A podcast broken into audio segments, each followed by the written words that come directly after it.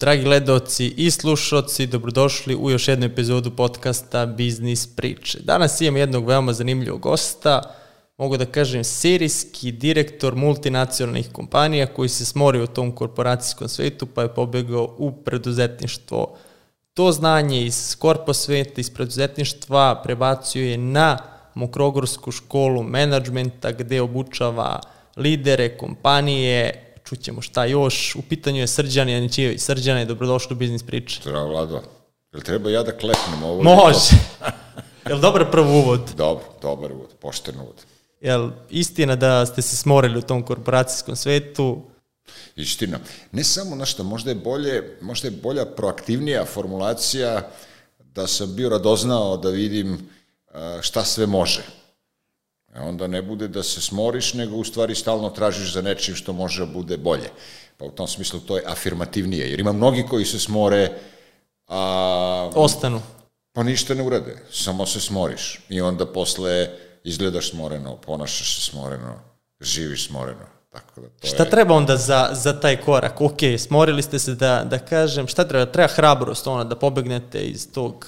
Ma, treba da si radoznao, treba da imaš nešto, da znaš šta hoćeš, da imaš nešto u sebi što te vuče, da se na neki način dokazuješ. Znaš, nije dovoljno da kažeš me ja sam se smorio, nije dovoljno da kažeš ni dosadno mi je, to je samo neki period inkubacije.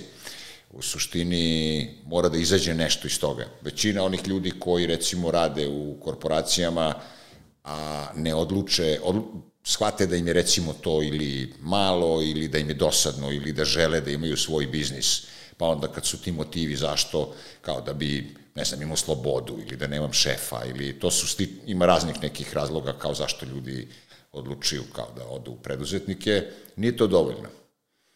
A, nije ni dovoljno da kaže želim da imam lovu. Mora da ima neki dublji razlog. Naš preduzetništvo, kako ga definišemo, je neko ko vidi nešto što drugi ne vide. A, a to što vidiš, onda treba i da uradiš. Šta je kod vas bio taj razlog, ono, idem ja u preduzetništvo, šta je prelilo čašu? Ma, prvo to nije išlo od jedan put. To nije nešto što se što se desilo preko noći. I to je, postoji period akumulacije gde ti razmišljaš, aha, šta bi voleo, šta te zanima, šta bi mogle da budu ideje, pa posle zaraziš za neku ideju. I, I onda se stvore prosto uslovi ili sam kreiraš te uslove da do toga dođe. I veliki broj ljudi koji o tome razmišlja u nekoj fazi imaju, kako kažem, paralelan posao. Pa rade to i rade neku svoju ideju. Preko dana rade to što rade uveče kad dođu kući, bave se nečim drugim i onda može bude da hobi preraste u posao, a može bude da to postane nešto što mi danas zovemo lifestyle preduzetnika, to je izaberem način života. Recimo, dobar primjer toga bi na neki način bio ja, možda bi bio i, i Kusturica. To je neka vrsta uh, lifestyle, lifestyle entrepreneurshipa, kako ga, kako ga zovu. Tako da, različiti su motivi. Znaš, mogu da budu motivi kod ljudi da učine nešto dobro. To bi recimo bilo kod starijih, ostvarenih ljudi. U nekoj meri imam to i ja, da su moji svi ti preduzetnički poduhvati imali neki socijalni kontekst a imaš neku društvenu crtu, nije sad kao ja bih volao da trgujem pa da živim od razlike u ceni, nego da napraviš nešto što može da bude korisno društvu. A to ne mora da bude a, neprofitabilno. Može da se nađe ta, taj spoj. Pa to, bi, to se danas zove održivost, kao sustainability, ali je u stvari, ali nije ti profit glavna. Ja vodim sa svojim kolegama a, u školi debatu šta je važnije kad se čovek za to tako privredno udruživanje, da čovjek osniva privredno društvo, šta je, da li je to žeđ za profitom ili je to, na primer, potreba da a, ostvariš neku vrstu društvene koristi, a društvena korist može bude da kažeš vidi sad ću da napravim telefon kao što je iPhone, to je isto neka vrsta društvene dobrobiti. Ili u krajnjoj liniji društvene mreže ili ove raznorazne digitalne platforme koje čine ljudima olakšavaju život. Danas sam upoznao neku devojku koja razvija startup DocTalk, doktore koji ono da pričaš sa lekarom nekim preko neta da ti daje savete za tvoj posao. To je klasična, klasičan social entrepreneurship. Za biznis da daju sad, mislim za... Da, da, da, da, da, kao platforma kompjuterska koja će to da rešava, a ti ćeš imati bazu neke pretplate ili nešto da bi razgovarao sa, recimo, lekarima da bi im pruži, sad ti dobiješ neku mrežu nekih doktora sa kojima možda se savetuješ oko problema koje imaš. Pa sad to je, je to biznis? Jeste biznis, jer mora bude održivo, mora bude održivo. Pa do vodu ako nije održivo? Pa najveći broj biznisa pada u vodu zato što nisu održivi. Najveći broj start-upova umire zato što ne mogu da dođu do one takozvane faze pozitivnog cash flow. Što je prvi, tu je najveći mortalitet ako gledaš životni ciklus nekog uh, biznisa, odnosno nekog start-upa, pa imaš ono faza a, ideje, pa imaš neku fazu gde to dobija neki opipljivi oblik, pa onda imaš neku fazu gde si ti dobio prve, da kažemo, kupce, potrošače koji su za to zainteresovani, to je faza opstanka, ti još uvek nemaš dovoljan cash flow da možda opstaneš, još uvek si u minusu, onda ide faza gde postižeš pozitivan novčani tok, što bi rekli ekonomisti, ili imaš veći su ti prihodi nego što su ti troškovi, i onda imaš fazu rasta, a onda u fazi rasta imaš to, šta kad je ubrzan rast i šta je, ali ove prve tri, četiri faze, tu je smrtnost najveća. Kad si ti došao do faze brzog rasta, ti si već pobedio. Prešao si taj period i sad kad, pre nego što krenemo tu priču preduzetnički život, pre toga ste bili, rekao sam u uvodu, serijski generalni direktor. Prosto da, da, da, da, da. Jednom direktor, uvek direktor. E, to je to. Kada se osladilo prvi put, rekao, ide mi na drugu poziciju. Prva pozicija direktorska, je li bilo Filip Morris, ili tako? Jeste, jeste, jeste. I to je bilo u Rusiji. U Rusiji? Tako je, tako je. Zašto Prva... baš u Rusiji? Pa tamo su me poslali. Jel postoje nešto, na primjer, sad, bili ste ovdje... Dužnost je, tako je dužnost naložila. To je bila dužnost. Zašto vas nisi poslali, na primjer, u Švajcarsku, Nemačku? Pričali smo nešto baš o tome koji ljudi završavaju tamo, koji završavaju u Rusiji. Jel postoje neki, da kaže sad, naši ljudi, znam par, ali koji su završili na tim pozicijama da budu direktori baš za taj region, na primjer, Zapad? Pa vidi, to je, znaš kako, ti veliki sistemi su vrlo praktični i oni praktično biraju one kadrove koji mogu i kulturološki da se uklope u neku sredinu. Nije sve jedno uh, da li ćeš ti da radiš u azijskim zemljama ili u latinoameričkim ili u nordijskim zemljama, ne određuje to samo da li si ti ne znam, imaš prethodnu radnu karijeru ili si završio ovaj ili onaj fakultet nego određuje i tvoja, pored radnog iskustva, određuje i tvoja kulturološka uklopljivost. Jer recimo, možda je čak polovina uspeha kad te neko pošalje da budeš negde ekspat u neku zemlju je da li si ti kultur, kulturološki uklopljiv. Pa onda ima, na primjer, to pravilo koje je, se ogleda u tome, manji su kulturološki nesporazumi ako vam dođe neki direktor stranac koji je već živeo u nekoj prethodnoj zemlji, nego ako mu je to prva zemlja u koju gostuje. Ja znam u našim predavanjima, kad pričamo o našim ovde studentima, pa imaju strance koji su im šefovi, oni se svi jako obraduju kad im damo par tih nekih trikova kako mogu da provale faktički s kim imaju posla. Pa ako je došao Rusi Sibira, koji je prvi put u Srbiji direktor, uh, više će mu vremena trebati da se uklopi u naš mentalitet nego ako je došao isti taj Rus koji je živeo, na primjer, u Moskvi, Beču ili Pragu prethodno. A, a to je čisto razumevanje različitosti kulture. Koliko vam je trebalo tamo da se prilagodite? Pa, vidiš, nas su recimo, sad da pričamo, to je, to je prošli vek. Faktički, to je pre 20 i nešto godina.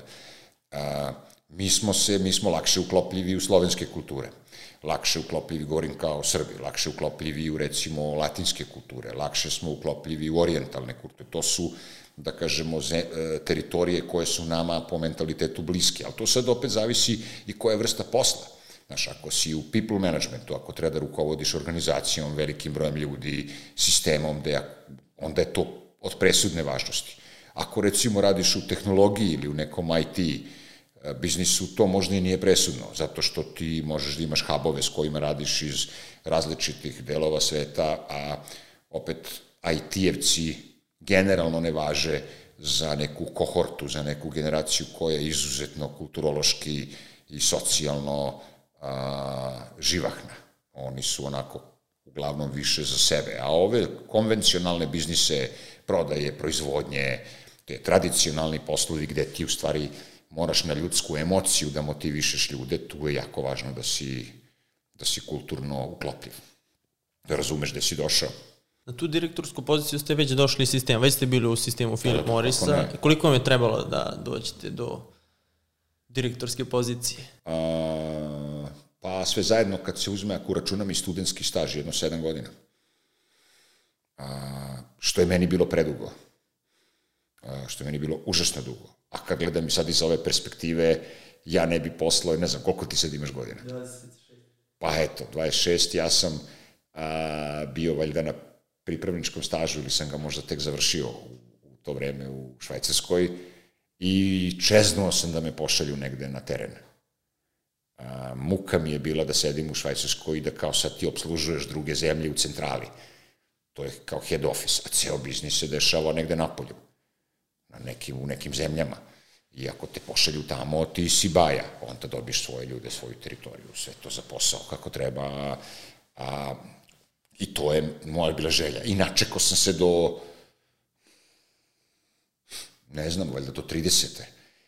A, a, ako se dobro sećam, dok mi nisu rekli, e, sad si spreman, ideš tamo. Rusija je bila prva destinacija. Da, da, San Petersburg, Rusija. Krećemo tamo, znači švajcarski je, je bio kulturološki šok kad ste otišli tamo? A, pa dobro, ja sam bio više puta u Rusiji po projektima nego pre nego što sam se preselio, ali bio je i za porodicu i za, recimo, neću a, zaboraviti da prvi put kad sam bio u Rusiji je bilo ono vreme kad su bombardovali Dumu. Kad je Jelcin tenkovima pucao na, na njihov faktički parlament. To mi je bilo, recimo, onako kao wow. A, a ja sam tu došao, recimo, nelju dana i ne znam, posle. Druga zanimljiva, recimo, crtica, pošto je najbolje da se skoncentrišemo na slike i na, na doživljaje, što je inače i najuzbudljivije u bilo kojoj karijeri, kad bih recimo pravim malu digresiju, stavljam zareze pa ću da se vratim. A, šta je cela priča o karijeri? Ti sa 26 godina treba da razmišljaš da ćeš biti, da ćeš imati vrlo brzo 56. To prođe stvarno ovako. I cela lepota je u tome da li si živeo život takav da kad imaš 56 ili 60 godina, 70, sve da možeš kažeš wow, ničega mi nije bilo žao, što, što je bilo uzbudljivo. A ako je bilo smoreno, ili smorno, ako je bilo ono nešto, kao nemam pojma šta sam radio, šta sam pokušao, to je nekako, može i tako, ali to je ozbiljan gubitak u suštini resursa i vremena i šteta. Tako da kogod je radoznao i to ima 30 godina recimo karijere, svašta može da uradi. Ne mora, ni da, ne mora da putuje, ne mora da ima, ali čovjek mnogo stvari može da uradi ako je radoznao. Pa se da se vratimo na Rusiju. Idem ja da zadužim teren. I idem prvi put e, da primim u stvari teritoriju koja će biti moja, a to je severozapadna Rusija. Sad da bi razumeli, na zapadu je Keninsberg ili Kaliningrad, a, to je blizu Baltičkih zemalja i Poljske i to je ona jedna enklava koju Rusija drži, bivši, bivši nemački Kenigsberg, bio jako važan grad za Nemce svoje vremeno, pa su ga onda Rusi po oslobođenju manje više do temelja srušili. A, I onda je na severu je Murmansk, koji je u Artičkom krugu, pa je onda malo desno Arhangelsk, a, gde je najveća proizvodnja a, nuklearnih podmornica bila. A, I poznat isto po tome što su tu poslednju vlast osvojili boljševici. Pet godina posle oktobarske revolucije im je trebalo da dođu da taj deo osvoje. Odatle su Englezi doturali pomoć Belima i, i carskoj vojsci i tako dalje. I onda ovi kad su ih jednom osvojili, onda su im, jedno 70 godina su im se svetili, revanširali su im se za to. zanimljiva je ta istorija, svašta može se naučiti iz istorije. Na neki način bi slično mogao čak da izvuče paralelu da su se šumadiji svetili posle drugog svetskog rata. Kako je rekao, bio Jovo Kapičić, pokojni, kaže, trebalo nam je mnogo truda da u Šumadiji primenimo komunizam. Ti možeš da, zamisliš da, da, da. Šta, je, kako je, šta je taj trud zapravo bio. I sad ništa, odem ja tamo slećem u Arhangelski, le ide se tako da a, iz Moskve letimo korporativnim avionom, privatnim malim avionom. I to je neko veče dok smo, mislim, sleteli iz Švajcarske u ovo, ja idem u civilnom, kažem, civilnom modelu, kažem, idem u modelu iz Švajcarske. Čima znači manti ili cipele, to je, na primer, možda neki novembar, decembar. Letimo, nemam pojma, dva, tri sata od Moskve gore na Arhangelska, sledeći avion nas ima, tu je direktor za Rusiju, tu i nas tamo dočekuju ti koji vrše kancelarijom, izlazimo napolje i prva stvar koju radimo je hajde da idemo da malo obiđemo tržište, da vidimo kako izgleda grad. Znači direktno iz aviona i kola. I krećemo u šetnju gradom koji je okovan snegom. Temperatura na polju je minus 37. I mi idemo u obilaz gradom, ja nemam kapu i nemam, imam mantili, imam cipele koje su to, normalne jesenje cipele. Či ja nisam u životu osetio takvu hladnoću sam ja posle 15 minuta rekao, vidi, molim vas, u prvu neku radnju koja ima bilo šta, ja moram da kupim šubaru neku, bilo šta da stavi na glavu, jer ću umreću. I sećam se, ulazimo u neku radnju, tipično tu neku rusku radnju, to ništa nije bilo znaš, drugačija Rusija danas, 25-30 godina kasnije, u ono vreme, to je stvarno bilo najgora ona tranzicija. Znači, svi su govorili Rusija propala. A, I ja sad sećam se spas, kako tu Subaru stavljam na glavu i sad imam i onda se posle izučio, brzo zovem kući a, ženu koja je bila u Švajcarskoj i reko naručuj, imaš neki katalog Kabelas koji je bio za sportsku opremu kanadski i tu imaju te arktičke jakne. Reko, vidi, meni treba za obilazak terena jakna koja možda izdrži minus 30, jer u protivnom će svi ovi da me isvevaju Rusi, oni idu, ti s njima ideš, oni su navikli, to je njihova klima. Pa sam onda našao, imaš neke alpinističke umetke koje staviš u cipele, koji ti drže 8 sati temperaturu, nešto se odlome, nešto pa ima, to je za alpiniste, se koristi i tako sam se snašao u tim severnim krajevima, to Arhangels Murmanski to. Ili moglo hladnije? Nije moglo. Ne. Znaš kako izgleda? Aerodrom.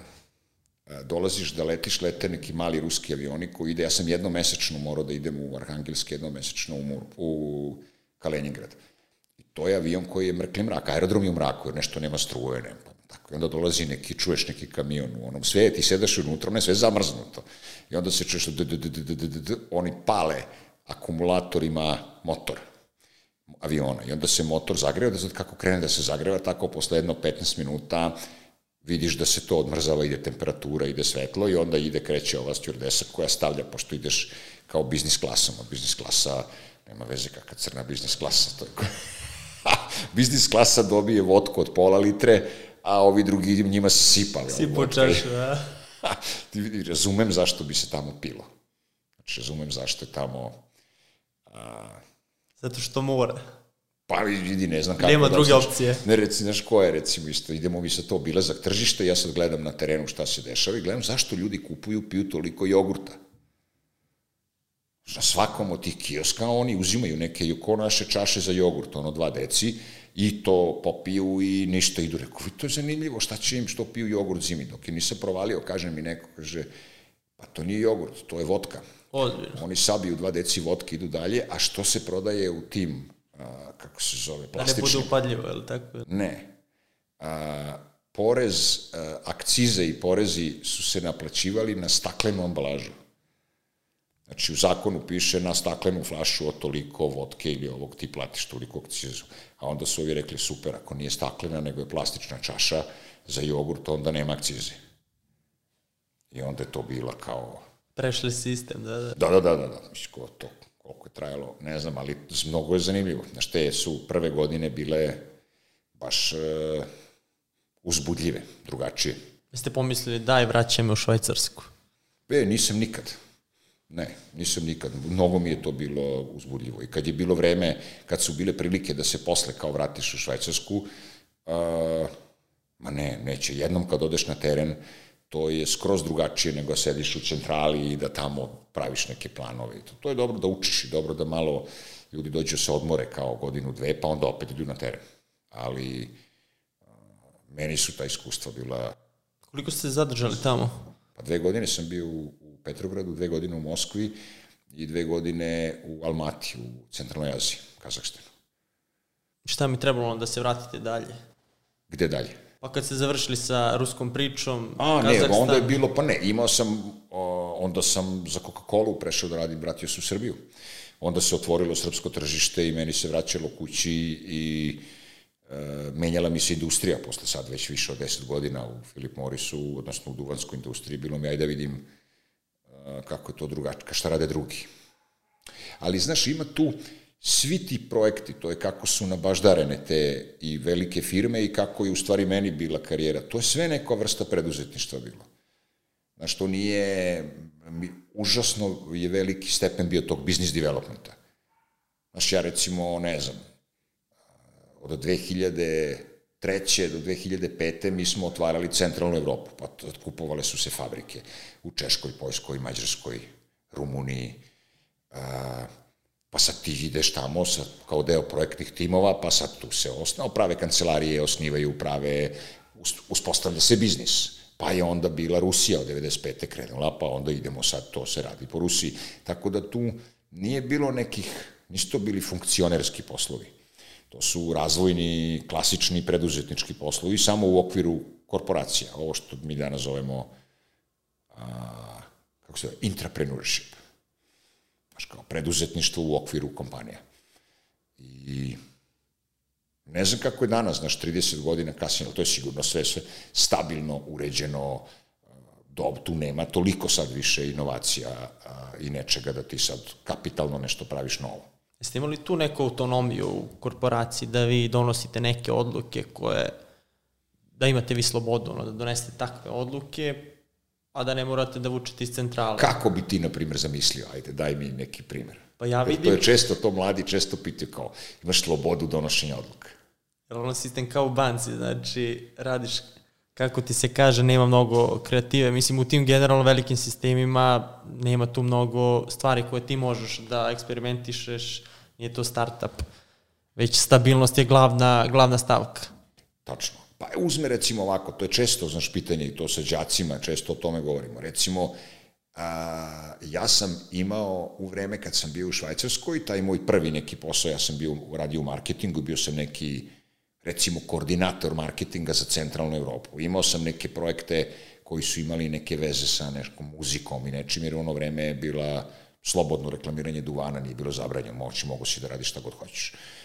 Uh, ja sam imao budžet, na primjer, 3 miliona nečega, franaka, dolara, sad ne mogu se sad imaš, kada pričam to svojim drugovima u Beogradu u ono vreme, oni viču, vau, to je ludilo Sad ti neko kaže imaš budžetsku odgovornost, toliko. Ne možeš ti tu ništa da uradiš kao sad bi ja da, ne znam, dam honorar idolima da mi sviraju zato što imam pravo da donosim odluku ili a, bajagi. Znači, ne, ne možeš tu da zezdeš. Znači, i ne treba. Način, način ustrojstva te organizacije, svih tih organizacija, nije takav da ti sad imaš po formulare i upitnike po kojima moraš ovo, moraš ono, ne. Vrlo je vert, vertikalno vezano organizacijama šefa ko odlučuje, šefov šef, svi se vidu. To je kao neka vrsta kolektivnog donošenja odluka. Na šta je dobra, recimo, dobra priča? Je a, pravdanje troškova. Ovako kaže pravilo, ti sad radiš u kompaniji i oni kažu ovako, a, svi poslovni troškovi koji su ti potrebni za obavljanje tvog posla su plaćeni. Nema ono dnevnica put, ovo što kod nas ima to, putuješ 30 km, pa ako si do 30 dobiješ 5 evra, ako si preko 30 dobiješ 7 All business expenses are paid. I sad, šta se ti pitaš? Wow, ti sad pomisliš, čekaj, ne mogu da verujem, pa kao šta sad? Pa sad kao, dobro, šta sad ti možda reći? Znači, ja sad mogu da nemam pojma šta. Da popim pet Coca-Cola na račun firme. i Prase celo. Fašu, prase, tako je. Znaš, ode mi jagnje na ražnju i ne znam ja. Vidi, to ide tako da u tom formularu, na primjer, ima a, mean of transport, to se ja sad sećam. Možda sam negde to i sačuvao, to bi zgodno bilo za predavanje. I sad ide, ne znam, rail, plane, bla, bla, i ima private plane. Znači ti možeš da iznajmiš private jet za sebe ako ti je to... Tako je. E, gde je trik? Šta je anglosaksonski način razmišljanja i ne samo anglosaksonski, šta je način razmišljanja među organizacijama koji imaju visok stepen svesti i kalibriranosti ljudi? A, na tebi je da tu odluku doneseš. Ali ako ti doneseš tu odluku pogrešno, ti ćeš da srušiš celokupnu svoju karijeru Neće tebi da zabrani neko, ako ti odeš tamo i sad kažeš ja bi da letim između Bratislava i Praga privatnim avionom jer me ne interesuje da letim komercijalnim, neće oni ja kažu pa ko je to naručio, taj kreten nema on pravo to da naručuje, ne znam, nego će firma to da plati. Ali vidi, nisam siguran da ćeš ostati duže od 3-4 sata dok je potrebno da oni popune papire i da ti kažu hvala puno, bio si vrlo ljubazan. Kaže, pa šta radiš? Šta radiš ako ti nije jasno? Nema ono procedura, sad ovo smeš ovde, ovo ne smeš ovde, ko kod nas što bi bilo, gomila procedura. Nema, nego je opšte, ako ti nije jasno, pitaj šefa. Ako tvom šefu nije jasno, nek pita svog šefa. Znaš, sistem e, samokontrole je ogroman. Meni je to recimo fantastično. A, I e, ja bih volao da vidim kod nas što više organizacija u Srbiji koje su bazirane na tom sistemu. Jer samo kontrola je mnogo viša nego pravila i procedure. To podrazumeva da mi znamo koja su pravila, da znamo koji je red, da smo u tom smislu dobro iskalibrirani. A to ako ti kažeš ja smem, ja ne smem, ovo mi piše tačka 2, tačka 3 po ugovoru, naš ugovor o radu kod nas je ugovor od 50 strana. Ništa ne smeš kaznit ću te, ubit ću te, razvalit ću te, nemam pojma šta, dobit ćeš otkaz ako si ovo, ako nisi ono, i onda primiš platu 500 evra.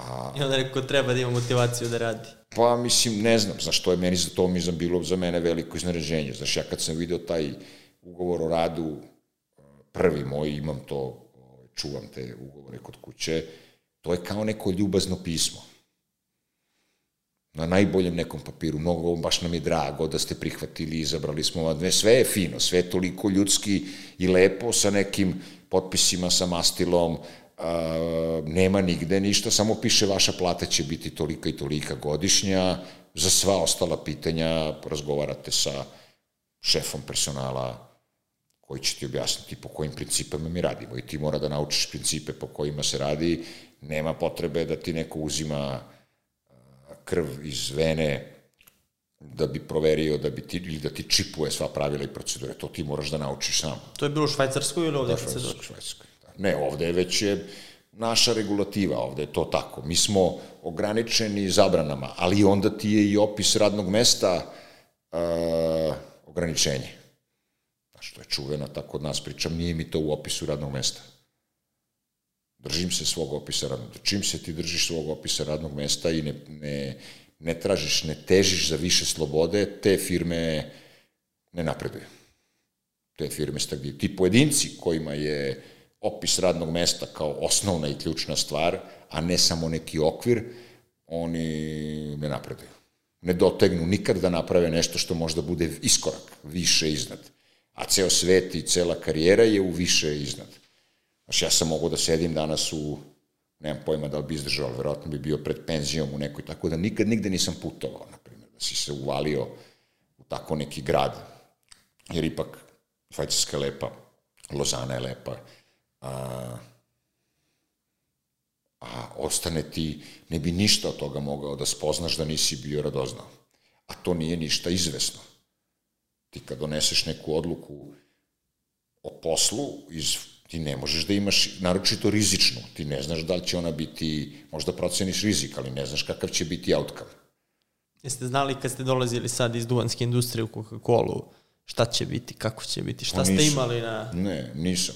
Znači, ja sam imao samo emocionalnu želju, to isto kako donosiš odluke. Znaš, kad recimo ljudi kalkulišu za posao, to je sad, ja ne znam, li tebe više slušaju preduzetnici ili korporativci, koja je... Pa, preduzetnici više. Da, pa, vidi, oni, ima, oni su skloniji e, da e, anticipiraju rizik i da ukalkulišu rizik. Korporativci vole da je sve sigurno. I ja sam spreman za promenu samo ako znam da će mi promena doneti boljitak. Ako nisam siguran, onda bih pre zadržao to što imam, jer to nalaže sigurnost. A u stvari samo izlazak iz zone komfora tebe može da pomeri da nešto u nečemu napreduješ. Sad, to je suprotstavljeno. Znaš, ljudi koji rade u firmama, a, njima je glavni motiv sigurnost razlog zašto rade u organizacijama, važna im je sigurnost. Pritom to ništa nije, ništa nije loše, to je skroz okej, okay, ali je važno da razumemo, meni je bitna sigurnost i ja zato biram da radim u korporaciji. Ne volim da ljuljam čamac. A oni koji su skloni riziku, skloni i radoznaliji, vole sebe da testiraju, imaju neku ideju, nešto ti pre ili kasnije završe u preduzetništvu ili imaju poslove koji su preduzetni, preduzetnički, a mogu da rade u korporacijama. Sad, koliko je opasna ta, ta sigurnost? Ja sme se pije dok se mi snimamo ili ne? Pa sme, ali kad, kad ja pričam. Šalim se, napravit ću sad neki malo da kupimo vreme. Šalim se, koliko je opasna ta sigurnost? Znači, ok, ja imam tu platu, ja znam da ću tu imati platu, ne znam, ne bi tu, imaću trajnu tu platu, recimo, i sad, koliko je to važno ako ja hoću nešto da, da probam, amo znam da imam tu sigurnost i možda hoću da probam, možda neću, nemam tu motivaciju da, da uđem i all in, što, što se kaže.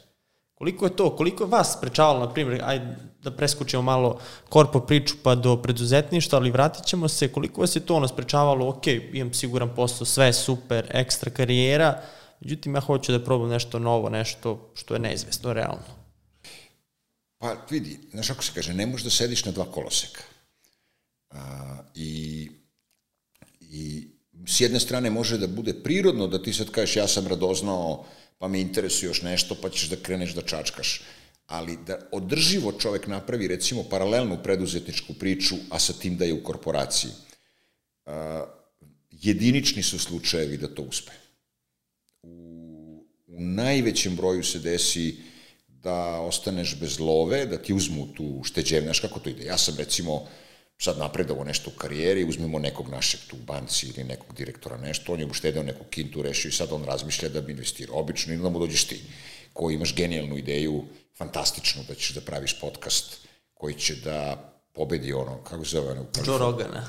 Joe Rogana, znači ti ćeš da razvališ Joe Rogana. Međutim, ti sad kažeš vidi, trebaju mi za početak kamere, a onda vidi, ja bi da imam prostor u na gore, gornjem spratu onog bivšeg CK, ono, ove, na ušću, a vidi, to košta 25 evra, po, ali vidi, ti si imaš plan i ovo i sad ima neko ko te filuje lovo.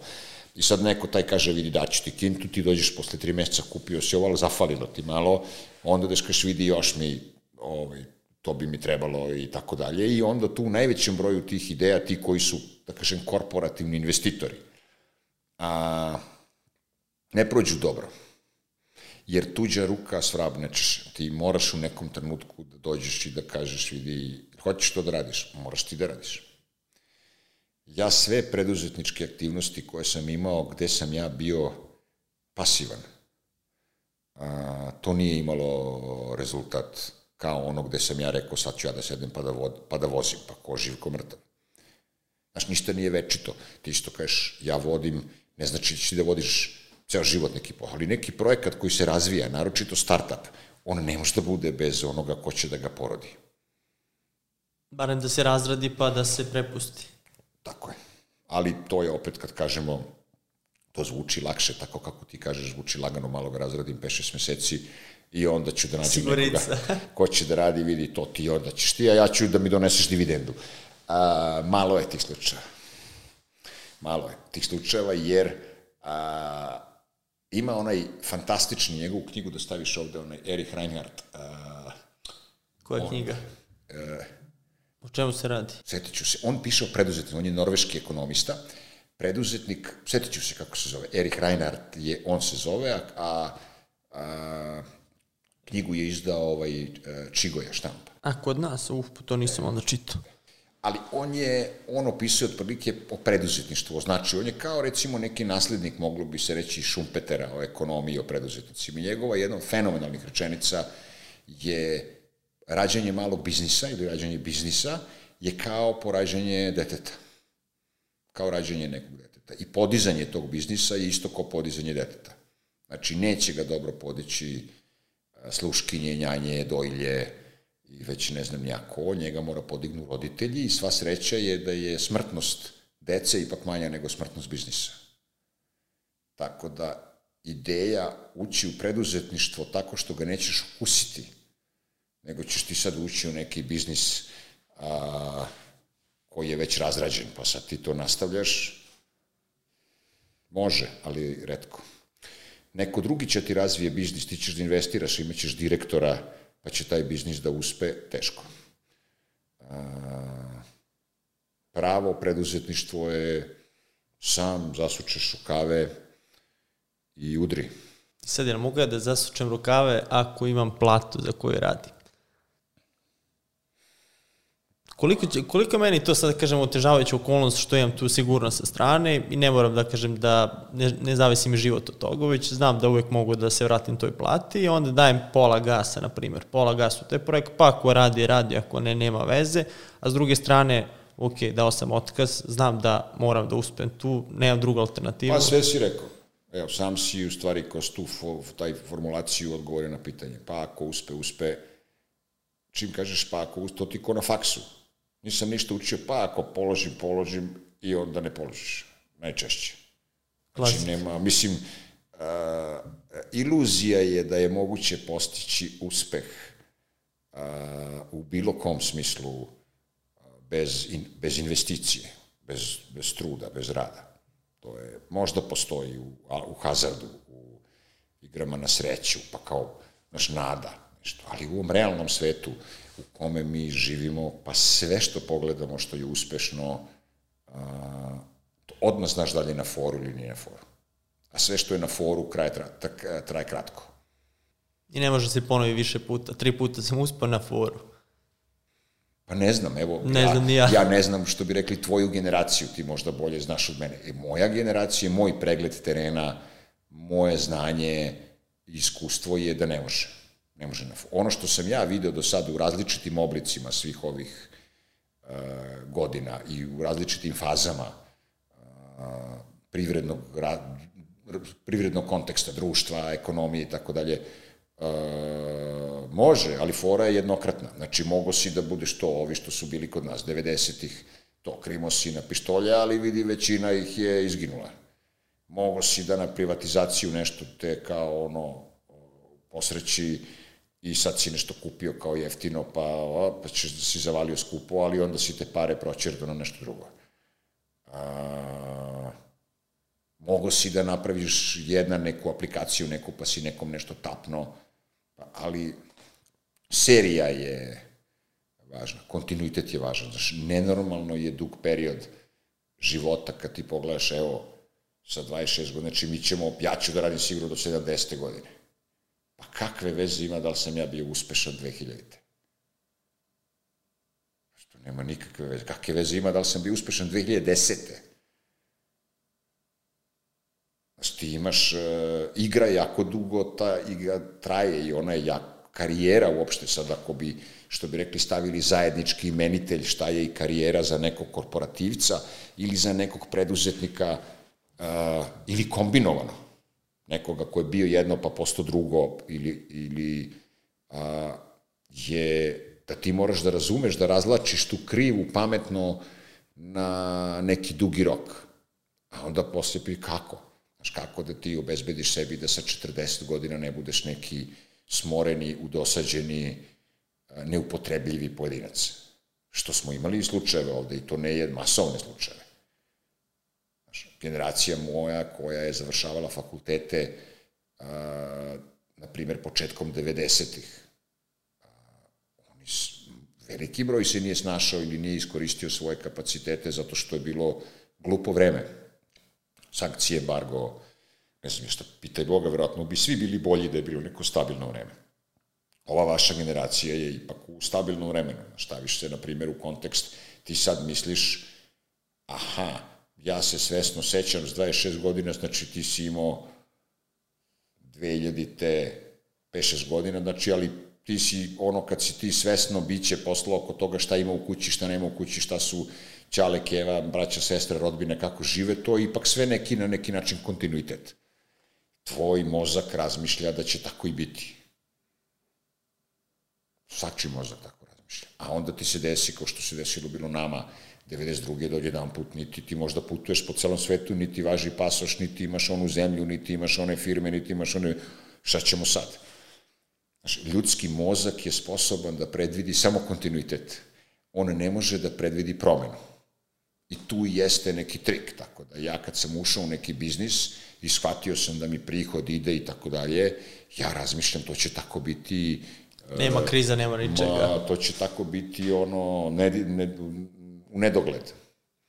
A u stvari ti moraš da si sprema na to. I ti si pokazuješ svoju snagu kad je amplituda dole. Ti ljude vidiš, svi oni koji, dugo, koji su dugo trajali, koji dugo traju i koji su, da kažemo, nasmejani matorci, koji su uspešni bili, pa bilo da si roditelj, bilo da si preduzetnik, bilo, pa svi oni su prošli koliko hoćeš kriza.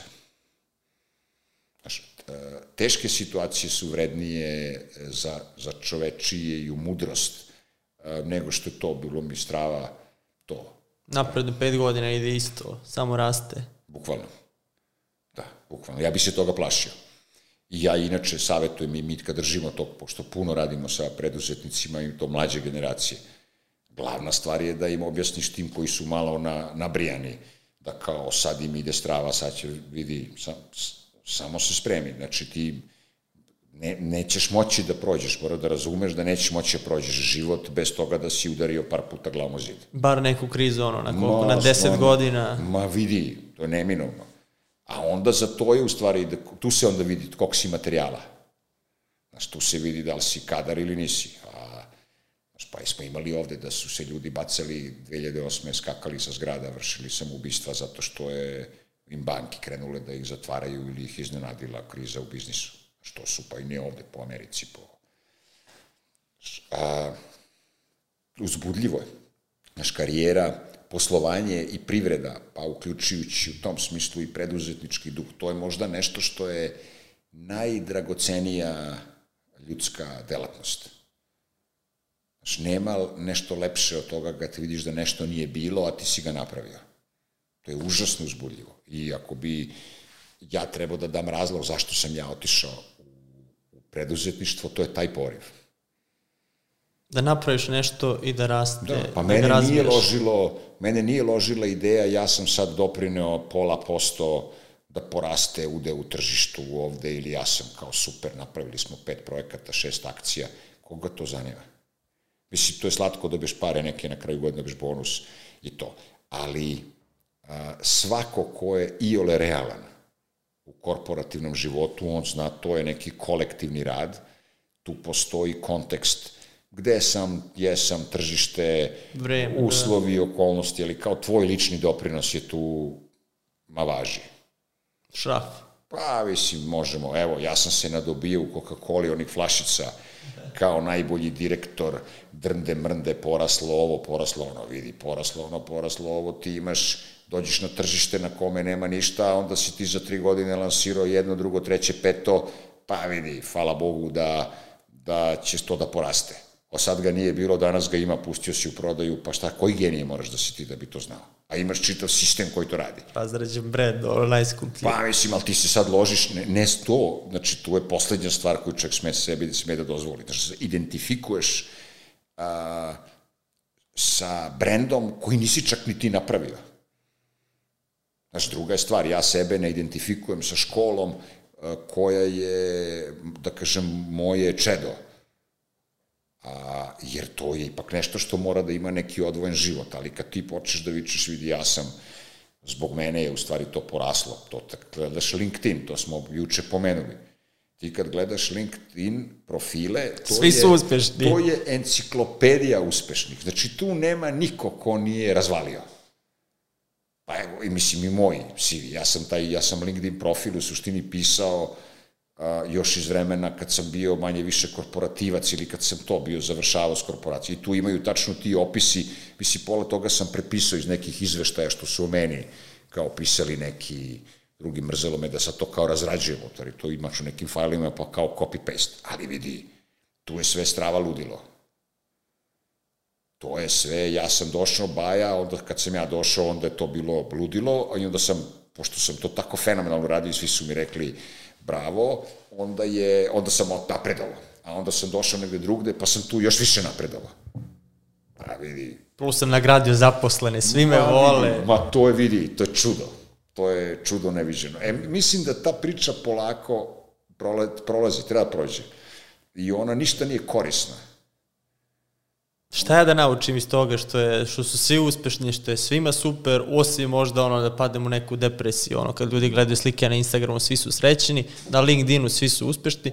Međutim, ali tamo neko uopšte ceni ono neuspeh, jel neko priča, e, kiksnu sam, ne znam, propao mi biznis zbog toga, toga i toga, šta sam naučio? Pa ima toga sad e, sve više u tim pametnim firmama da ono kao nemoj da me bullshituješ, kad ti dođem na intervju nemoj da mi pričaš, molim te kako si genije nego mi pričaj kako je bilo neka gužva, neka nedaća, a šta si ti uradio. Uh, Izraelci su u tom smislu fenomenalni. Znaš, oni su, uh, oni uh, kad rade start-upove, imaju ti venture kapitalisti, meni su bili pred dve, tri godine neki fond gore na Mokroj gori, onda smo pričali kako biraju ljude. Da, da. I on kaže, kaže, mi ne uopšte ne investiramo u nekog, neki startup koji prethodno nije pukao. Znači, ako si ti uh, došao kao neko ko aplicira za lovu s nekom idejom, prva tema je da nam ispričaš da li si prethodno probao pa pao. Ako nisi probao i, ako nisi probao i nisi pao, nemaš negativno iskustvo da si propao, uopšte ti ne damo pare. Idi padni. Prvo padni, ulupaj se pa dođi. Što je po meni Ima fenomenalno. Smisla, da. Fenomenalno, zato što imaš neku pamet, imaš na koži osjećaj šta je realno, šta nije realno što je na neku foru koliko puta omašiš u nekom, ovaj, kad si u početku. Ti sad, pa evo, to si pričao, imam gajta, nemam gajta, onda sam probao sad, dobro, to je neki okvir, ali on je reprezentativan okvir gde ti mora, kažeš, vidi, e, probam pa neće, pa probam pa neće, pa probam pa malo, pa, probam, pa ti tek vidiš iz tih grešaka u stvari najviše možda naučiš. Što je, to je logika. Šta je bio, aj se kad pričamo o tim neuspesima, šta mi je bio prva priča, pričali smo o Philip Morrisu. Šta vam je tu bio ono najveći neuspeh? Pa ćemo posle da vidimo o ostalom korporacijskom životu i preduzetničkom gde su ti neuspesi. li možete se pa, setiti? davno je bilo, davno je bilo, ali recimo Recimo, intervjuisan sam bio za neku poziciju koja je bila u Njujorku, nekako je trebalo da bude globalna funkcija nekog business developmenta. Pravilo se tamo, ja sam bio u to vreme u Moskvi i a, mene su predložili da, da uđem u taj tim koji bi trebao da radi neku globalnu inovaciju o prodaji i distribuciji. I to mi se mnogo, mi se to dopadalo. Jer je to trebao bude neki abstraktan posao razvojni, ali na svetskom nivou. Odakle bi ti a, u suštini dobio neku, neki svetski pogled na stvari, tako dalje. I nisam tu prošao. A, to mi je bilo, na primjer, žao. Sad, su rekli zašto? Moram sad se više ni ne sećam, ali šta god da su mi rekli ne bih verovao. Znači, šta god da su mi rekli, to nije to, znaš, ne, nije to baš da ti on eksplicitno kažu da ima rang lista, pa sad kažu ovaj dobio ovoliko bodova, onaj dobio onoliko, nego i tu ima ovoj, ovoj, o, naš velika, to su ogromni sistemi, uh, i tu isto ima lobinga, ko za tebe lobira, ko te preporučuje, ko im treba, znaš, gde vide, ako ima više projekata u Latinskoj Americi, treba im Španac, Portugalac, ako gađaju više u Aziji, ali šta me briga, mene čim su me bili predložili, ja sam računao da sam ja kadar potencijalno za to, znaš, i onda je to, au, to mi baš bilo, nije mi to bilo milo. Žo je ruski špijun. Pa ko zna, da. Mislim, bilo je i to, znaš, u to, sad ne mogu da se setim, nije nemoguće da je to bilo i u to neko vreme. Nije ruski špijun, ali kad je bilo bombardovanje, znaš, 99. u, u, u Srbiji. Ja sam organizovao neku televizijsku emisiju koja se zvala Zgljad, koju je vodio onaj neki, sad ti ne znaš, čuveni neki glumac ruski koji je umro, Sergej Bodrov. To je recimo kultna emisija bila kao utisak nedelje. ruska kultna emisija. I ja sam organizovao Telemost da se ljudi iz Beograda uključuju različiti ljudi koji znaju ruski da opisuju šta se dešava, kako je sa bombardovanjem, šta je u Srbiji i tako dalje. I oko toga se digla strašna frka i moj uslov da se pojavim u toj emisiji je bio, vidi, ne smete da kažete za koga radim. Znači ja se, to je emisija koja ide direktno i ona se emituje, na primer, direktno ide u dva popodne, se snima i emituje se u Vladivostoku i onda se pomera po tim vremenskim zonama, tako da je, na primjer, u Moskvi u 10 uveče, kao centru. Tu se digla neviđena frka. Ja nisam nikog htio da pitam, znaš, Filip Moris, ja sam smatrao, to je moja lična stvar, ja sam protiv bombardovanja i protiv toga i znam da kad sam došao sutradan u kancelariju, odnosno ne sutradan, tog dana posle podne, da sam ja odmah napisao pismo i rekao ima vidi, ja sam iz, mobi, mobilisao čitavu akciju, neke doveo Srbe koji su još u Moskvi, koji su gostovali u emisiji, uključio tu koga god u ono vreme, sećam se od Tasovca, ne znam, Mire Bobić, ne znam ko je sve još govorio Rus, koji su javljali šta se dešava u Beogradu za vreme bombardanja. To je bila velika, bombardanje tek počelo. I sad ovi mene ne smiju da pitaju. Znači, ja sam tamo direktor, radim za američku firmu, mm, ali ja sam našao koridor da ne mogu baš da mi kažu vidi uh, ne, ne pominje se firma, ne pominje se brend. To je službenik multinacionalne kompanije, direktor multinacionalne kompanije. Da je bilo pitanje, a je li imaš ti neke još planove oko toga? Ja rekao, imam.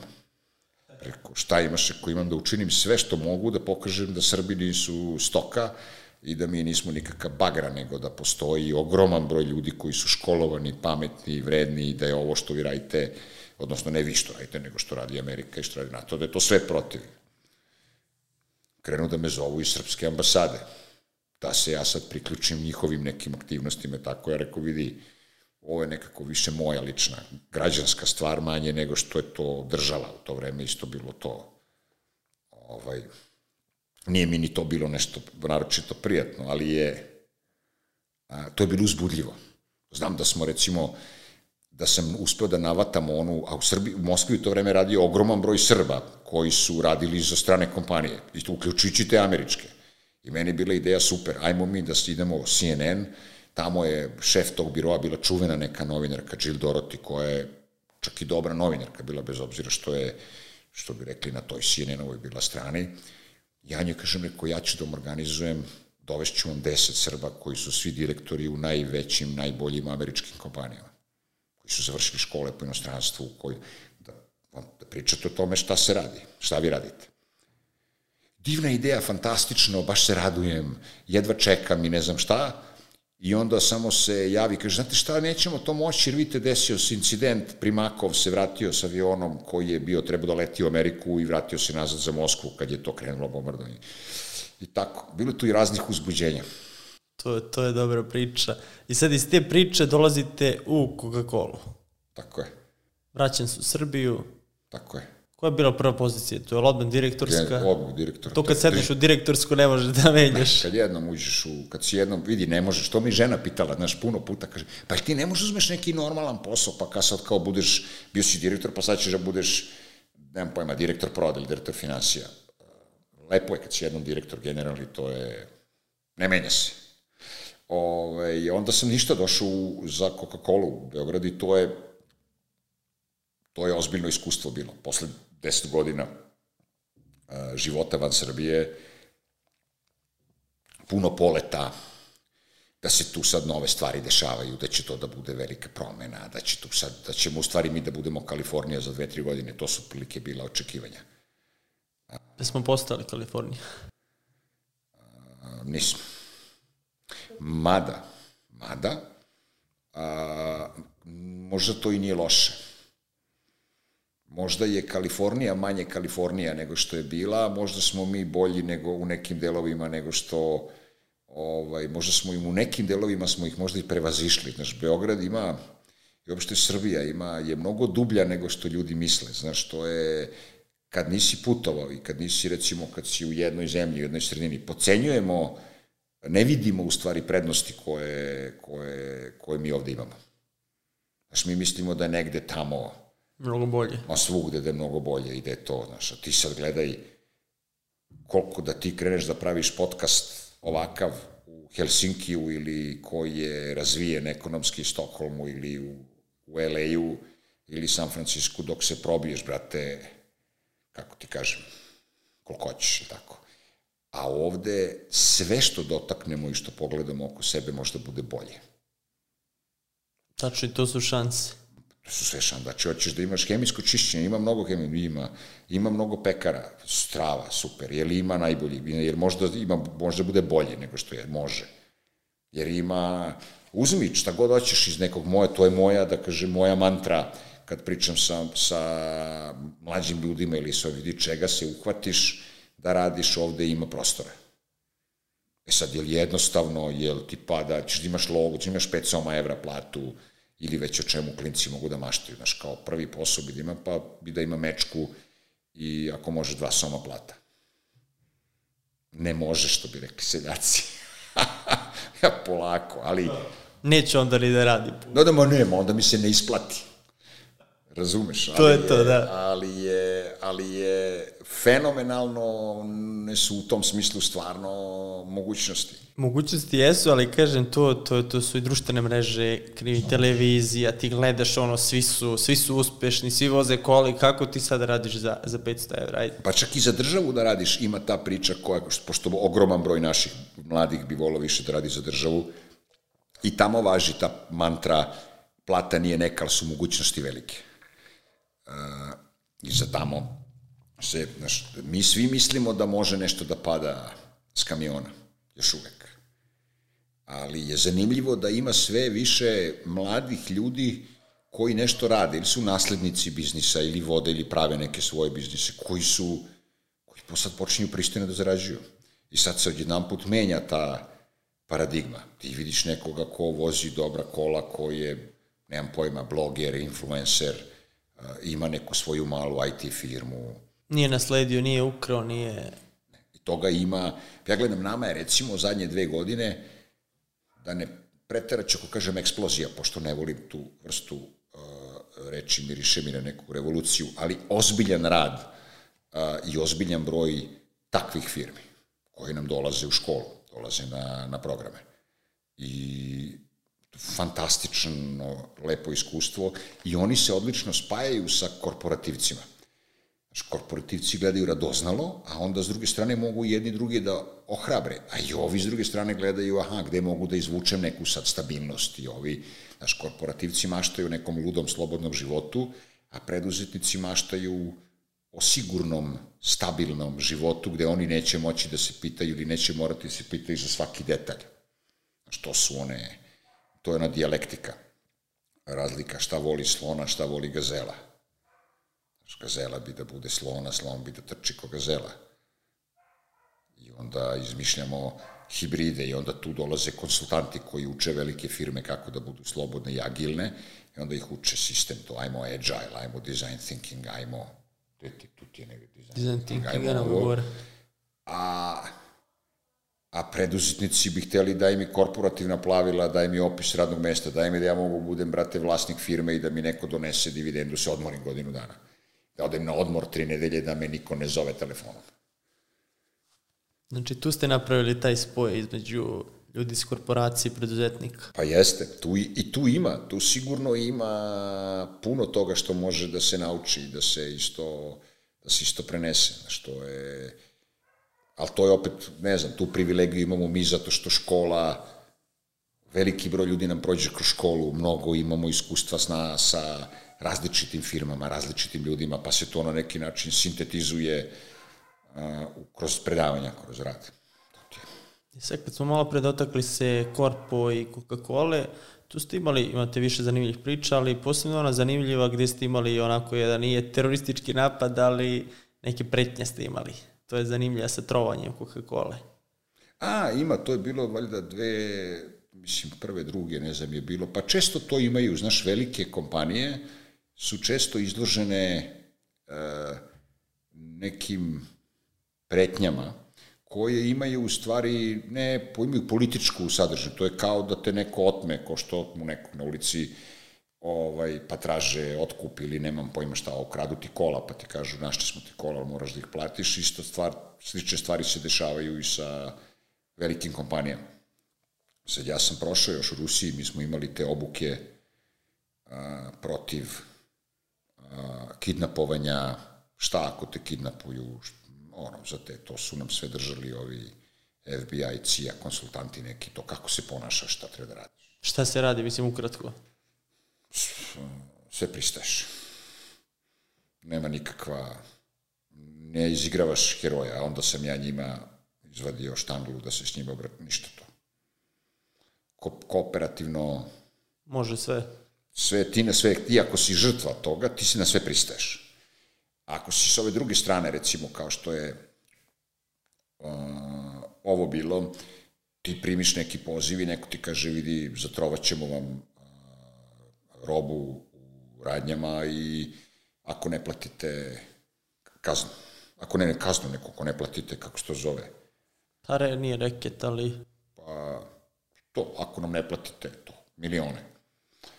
I onda to ide obično jedan telefonski poziv, onda se alarmira, naravno, sve živo i onda kreće mašinerija da radi. I šta su vas su zvali ovde u Srbiji se to desilo? Da su zvali su nek, tamo u centralu, nek, ono najobičniji telefon, ono centrala i to je krenulo i ide sad mašinerija, sad ide krizni štab, sad ima kako ono ekipa se skuplja i tako dalje.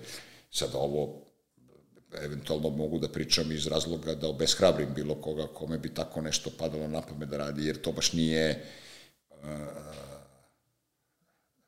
ne može to da pobedi ta ideja, tako, sad ću da gledao sam neke krimi filmove, pa ću se osvetiti uh, Siemensu, Mercedesu ili ne znam nija kome, što bi rekli Rusi, ne bivajet.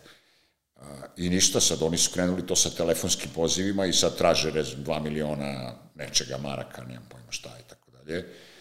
I šta, krenu, krenu, razgovor, krenu razgovori sa njima, razmena mailova, ali se tu sad odmah uključuju profajleri koji su za razgovor, za tekstov, ko u filmu, znači koji su psihološki profili, pa onda ide oni koji pišu te tekstove, pa onda doleću ovde konsultanti koji su konsultanti globalni, koji se bave samo takvim stvarima u svetu, koji su zaduženi za kad ima to kidnapovanje ucena i to, raz, to su razbojništva i ucene. Onda se uključuje naša policija, a sve to ne sme da se zna zbog, naravno, sto različitih razloga i ne treba da se zna i tako dalje. A, I sad ide pregovori, idu razgovori koji su na tezanje ovamo namo, da sad skratim priču, mi se vadimo, nemo keša, to je, mi smo, nismo mi to sve na računu, ali na, pabir, na pabirčili smo to 20-30 hiljada ovaj, nekih para, možda vam predamo torbu, sad u ono vreme naša policija nema te torbe s GPS-ovima, nema trekinga, nema ovog, nisu opremljeni, a onda mi to sve doturamo iz inostranstva da to stigne za tih nekoliko dana, da ove možda uvatiš kad. I dođe razmena lova, treba da se preda kod Palate Albanije, kod taksi stanice. Tu su krčeni svi tonova. Oni, svi taksisti tamo, pola onih taksista su murija sa onim da, da, da. Oni tirli, tirli kao babe prosjaci, ovi prodaju novine, znaš, ovi kao leži pije Ka, na ulici. Kao u filmu, a? Kao u filmu, a svi kao leže sa onim mikrofonima, nemam pojma, ja sam negde tamo kod, ono, kod ruskog cara tamo na tri sledim i primam poruke, gledam šta se dešava. A vi treba da predate ili neko? Ne, ne, ne, ne, prvo nema već to. Ja sam, ja sam u menadžmentu, nisto niko za mene tu ni ne zna, ja sam tamo. I sad ja sam im dobijam poruku, samo uhvatili smo ga. Pao je. I sad vode ga oni u, u Muriju, posle dva sata stiže poruku i sad nije on. Odbiljno. sad ja sam mišljam kako izgleda scena, nije on, to vratno sad je plavi iskrivljen, ako nije on, ovi ga, ovaj, šta je, on je navuko nekog, kao idi, molim te, preuzmi neku torbu za mene, nekog koga ovaj nije ni znao, nešto preko oglasa, ako već dolaziš i ne znam ja šta. I u svakom slučaju, a, da skratim dugu priču, provale oni da su ti telefonski pozivi dolazili negde iz Kragujevca. I ide sad ovaj kaže, ne znamo šta da radimo. A ovi su bili tražili stranci, daj nam helikoptere, daj nam avione, daj nam, nemam pojma, 50 policijskih kola, znaš ti što su došli, oni su ono iz tih filmskih, a ovaj naš neki baja koji je strašan bio neki inspektor, ono iskusan i to, koji kaže, vidi, imam dole onaj, uh, nemam šta beše, Fiat 1300 ili šta je bilo u ono vreme, neki, imamo ovaj auto, kakav crni helikopter, kakve crne priče imamo, ajde, pusti to, nema to kod nas. Nego dajte vi tu torbu da možemo da ih uvatimo na onaj GPS i ne brinite se. I u svakom slučaju ovi sad naši dožive debakl, to je naša policija se osjeća da su ih ovi izvarali da ovo i oni kažu vidi idemo mi u Kragujevac pa ćemo da gledamo šta je. Nađu i oni krenu da obilaze internet kafić, jer to je neko iz interneta onih, kako se zvalo to? Kafea. Kafea. Ne mogu da nađu nikog kad u nekog legitimišu nekog ko izlazi taj neki što ga legitimišu, ispadne mu sim kartica iz novčanika kad je vadio ličnu kartu. I ovi na bodu sim karticu koja, to je taj. To je taj.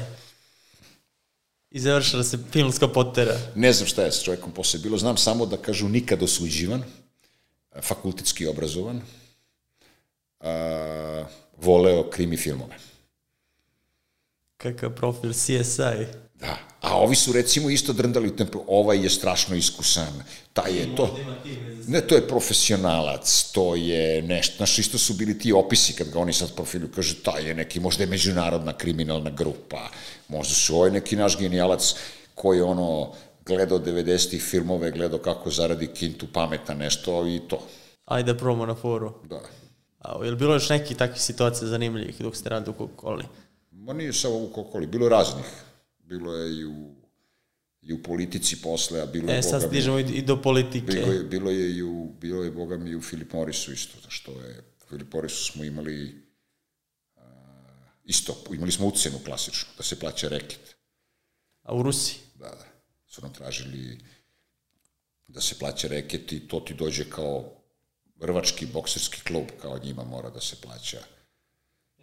Kakva je u tom trenutku bila situacija? Znam da sam slušao par ono ljudi koji su tada radili, da kažu da je to najnormalnija stvar u to vreme bila da se plaćaju reket, ono, razbio ti radnju, razbio ti ono i ti moraš to, ono, da uračunaš u trošak biznisa. Da, da, pa svako imao svog nekog, to su oni zvali kriša, kao krov.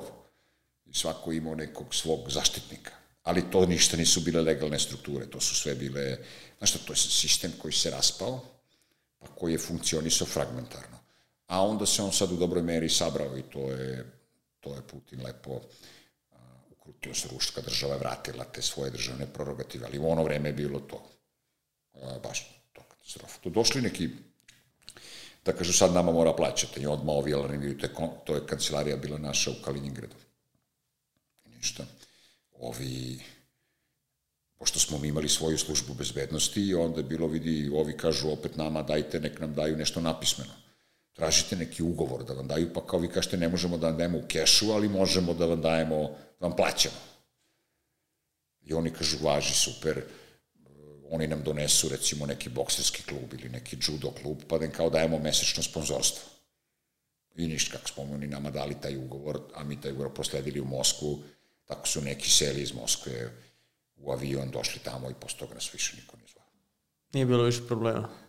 Niko se ne pojavio. Jel su neki drugi možda dolazili kasnije? Ma nisu, ne, ali tu ti znaš ima stalno, ima neko...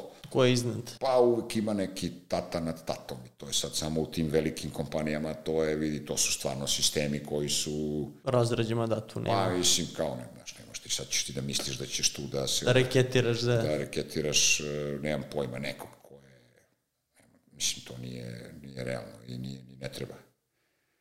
I sad iz Coca-Cola gdje prelazite u politiku? Ni malog ne treba da reketiraš, a kamo ni velikog. I politika ovine, nakon Coca-Cola, otkud to, kako se to desilo, ponovo direktorska pozicija, ništa manje. Pa vidi, politika je naša najvažnija bila medijska kuća nije više, ali je dugo, dugo bila i možda će ponovo biti. Ne, ne, ne znam, ali uh, ja nisam radio u srpskoj firmi, nisam vodio srpsku domaću kompaniju, nisam znao kakvo je poslovanje u Srbiji. To je sve iskustvo koje meni nedostajalo. A, I koje sam kroz politiku stekao. A tu sad, kad sediš na tom mestu, mislim da je to izloženije mesto, recimo, bilo u ono vreme nego da li si bolje vidiš stvari nego da li si neki ministar ili predsednik vlade, jer tu si otvoren, tu si bez zaštite, bez ovih kabinete, ti si tu, a tu a opet sve dobijaš, celo društvo razumeš. Znaš, ne, recimo, mi otpuštamo, ide višak zaposlenih. To, su, to ti je biznis priča. I sad ti praviš program gde moraš da otpustiš neke ljude, imaš ne ide posao dobro, imaš više zaposlenih, to sad mora da se rešava. I sad to je u nekom procesu rešavanja i sad kreću da zvone telefoni. Kako ste objavio da se to dešava, ti ne znaš ujutru kad dođeš u kancelariju ko će te zvati. Tu nema nikog ko je došao na konkurs. Kao što je u većini tih naših velikih državnih firmi. Tu je svako nekog nekog doveo i kako se smenjaju te generacije političkih tih promena i ovih, tako su onda ovi su, nemam pojma, od Krcuna, ovi su od Leke Rankovića, ovi su od Slobe, a ovi su od Uhlebili se i ne mrdaju. A ovi su, nemam pojma, i onda ti kad to dođe da se ti kaš ovaj da ode, najslađe mi je bilo što me zvao neki direktor, ovaj, tadašnji čuveni neke velike naše bolnice, nikad na životu ni zvao, ne znam čoveka. E, si to ti, ja sad kao dobro jutro, kao, Vili ima tamo jedan, Imaš ti nekog tog ko u prodaji?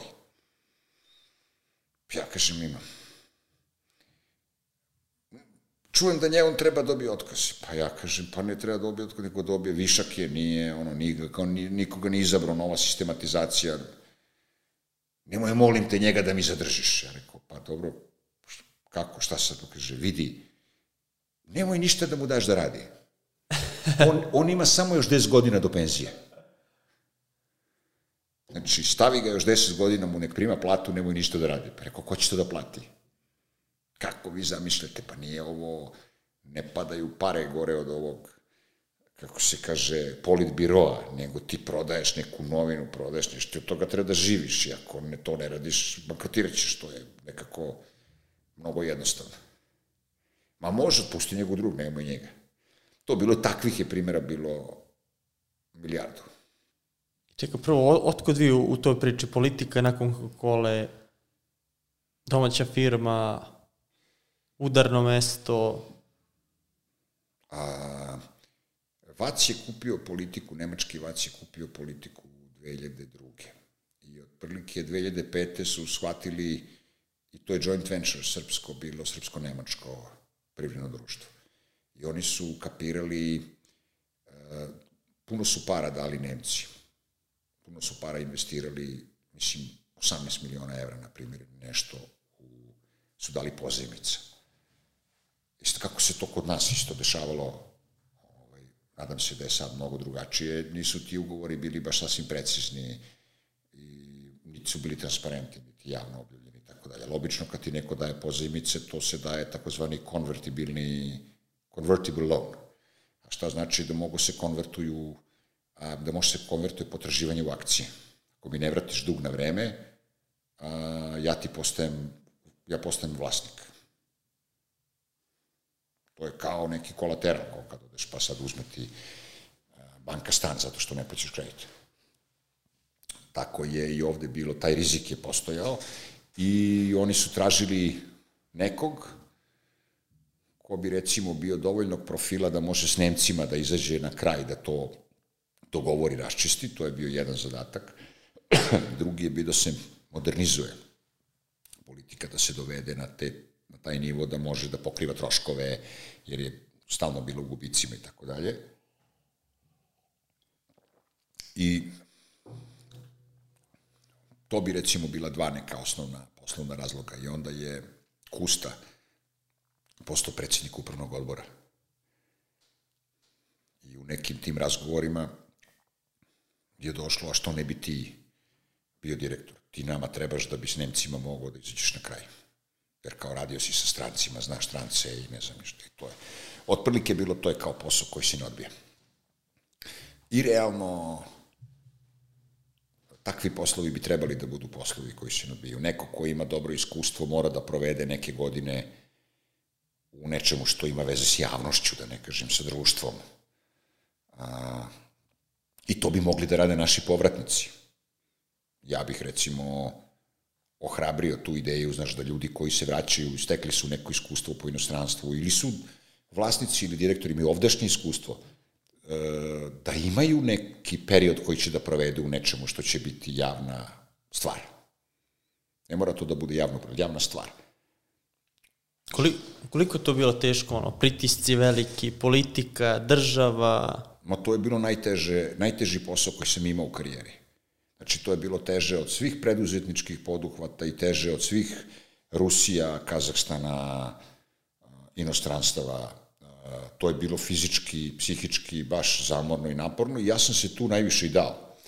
Upravo zbog toga što je to ima neki javni, javni značaj, zbog toga što, ne znam, i moj otac je radio u politici i politika je prosto, ne znam, deo naše kulture i nije...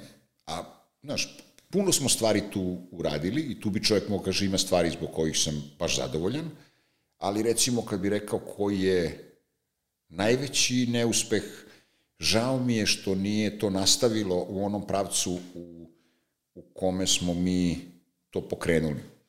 Jer bi je politika danas mogla bude najveća i najbolja medijska kuća na Balkanu. Ne bez truda, ne bez rada, ne bez napora, ali E, taj momentum je postojao i bila je spremnost da kažem, svih vlasnika da se to, ali ona nije napravljena svojinska transformacija, nije se to privatizovalo, to je tako ostalo nekako da se ne zna Koja vlast? šta je čija, ti si ti treba da uhvatiš korak, znaš, ovo bi mogao bude format za politiku, da razgovaraš o nekim zdravim, normalnim pitanjima, da imaš ti, gde ti danas kad hoćeš, osim ako nećeš žiš na YouTube i na neke podcaste, gde ti možda imaš da vodiš neke razgovore koji su normalni, pristojni, koji su okej, okay. znaš, to sve mora da bude polarizovano i to sve mora da bude politizovano, a nije naš ceo život ne mora da bude takav. I ne treba da bude. I neće ni biti u budućnosti, to će kako će se to smirivati, ali ta neka srednja, korektna, misleća linija, Znaš, nama treba pameti. Ako nama, ako bi mi rekli šta je našem društvu potrebno, to je pamet, a ta pamet se rađa tako što ćeš ljude motivisati da budu pametni. Znaš, to nije tako što ćeš narediš, sad ćete svi da čitate knjige i da idete u školu i da ne znam ja šta, nego osnovna stvar, osnovni problem koji mi u društvu imamo je što mi imamo manjak obrazovanih ljudi i što biti pametan a, vredan i radoznao nije moderno. I sad ja sam, da kažem, nauk moj iz politike, ok, super, dao sam tu ozbiljan, pošten doprinos kakav treba, a onda sam izabrao svoju platformu koja je škola. Bavim se obrazovanjem i prosvetom u onom smislu u kome uh, koja je moja teritorija, moj teren. I tu, uh, i tu dajem svoj doprinos. A A ako pogledaš, znaš, mi a, u Srbiji imamo možda desetak posto visoko obrazovanih. Raznoraznih, svih mogućih fela, od ovih što su završili privatne fakultete do, ili kupili diplome, do ovih što su u penziji i što su u inostranstvu. To je, to je mali broj. A sad ako obrazovanje, formalno obrazovanje, ajde, to je jednostavno, sloni to sa strane.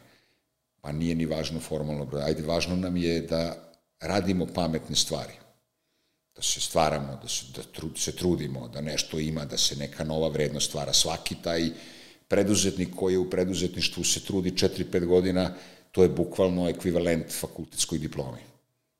Možda bude da nema školu uopšte, a da je uspe u nečemu, a, ti imaš, kako kažu na zapadu, znaš, ti upisuješ MBA studije i kažu ti ili imaš prethodnu fakultetsku diplomu ili imaš toliko godina iskustva. Uslov za, za upis. Znači, ne znam, recimo, i ta akreditacijona tela međunarodna, mi smo sad u procesu neke akreditacije sa ovom engleskom jednom asocijacijom i oni kažu koji uslovi su za, za MBA i oni nam propisuju, kaže ili imate, a, ili imate fakultetsku diplomu ili mislim, na primer, za executive MBA pet godina radnog staža, od toga dve u menadžmentu. Njima je to dovoljna, dovoljan uslov da oni razumeju da si ti stekao iskustvo koje je primenljivo. kad bi se to sve kod nas lepo uparilo, a možda će se upariti, mi bi mogli budemo neuporedivo, neuporedivo uspešniji. Rekli ste, treba ljude motivisati za znanje. Kako to? Pa tako što će recimo, ne znam, neko tebe da gleda i da kaže, u, vidi ovo klinca ima 26 godina, taj neko ko te gleda ima 19, i koji će kaže, pa što ja ne bi ovo radio na recimo na temu a, a, a, mountain bikinga po Beogradu ili rute za šetanje, vožnje bicikla ili nemam pojma već šta ljude zanima, neke hobi ili šta tu generaciju možda interesuje. Da nije politika. I da nije politika i da nije ovo besmisleno ovo dekadencija, koja droga jača i gde smo se napili i na kom splavu smo se unesrećili. Znaš, uopšte treba da počne da pobeđuje taj diskurs ljudi koji mogu da žive, koji se bave normalnim, zdravim, ok stvarima i da oni postanu moda da oni postanu uzor. E, time, time si ti u stvari krenuo da razvijaš taj. Znači, nije fora da si glup. Nije fora da ništa ne znaš. Nije fora da te ništa ne zanima. Nije fora da si buzdovan neki koji će da a, sedi Bleji ceo dan. Bleji nagojen i da gleda kako će koga da s oproštenjem zajebe. To je nije fora. Tu nema, nema ni on, ne, ni takav neko neće moći da ima budućnost. Samo što ljudi to ne znaju. Sad kad bi se to tako razmotalo, onda ima, znaš, ima, jesi čito Aim, Aim Rand, uh, Aim Rand, Pobunjen atlas? Nisam. To da čitaš, da nađeš, to je roman veliki, dobar, strašan. Svako društvo ima stvaraoci i kreatore.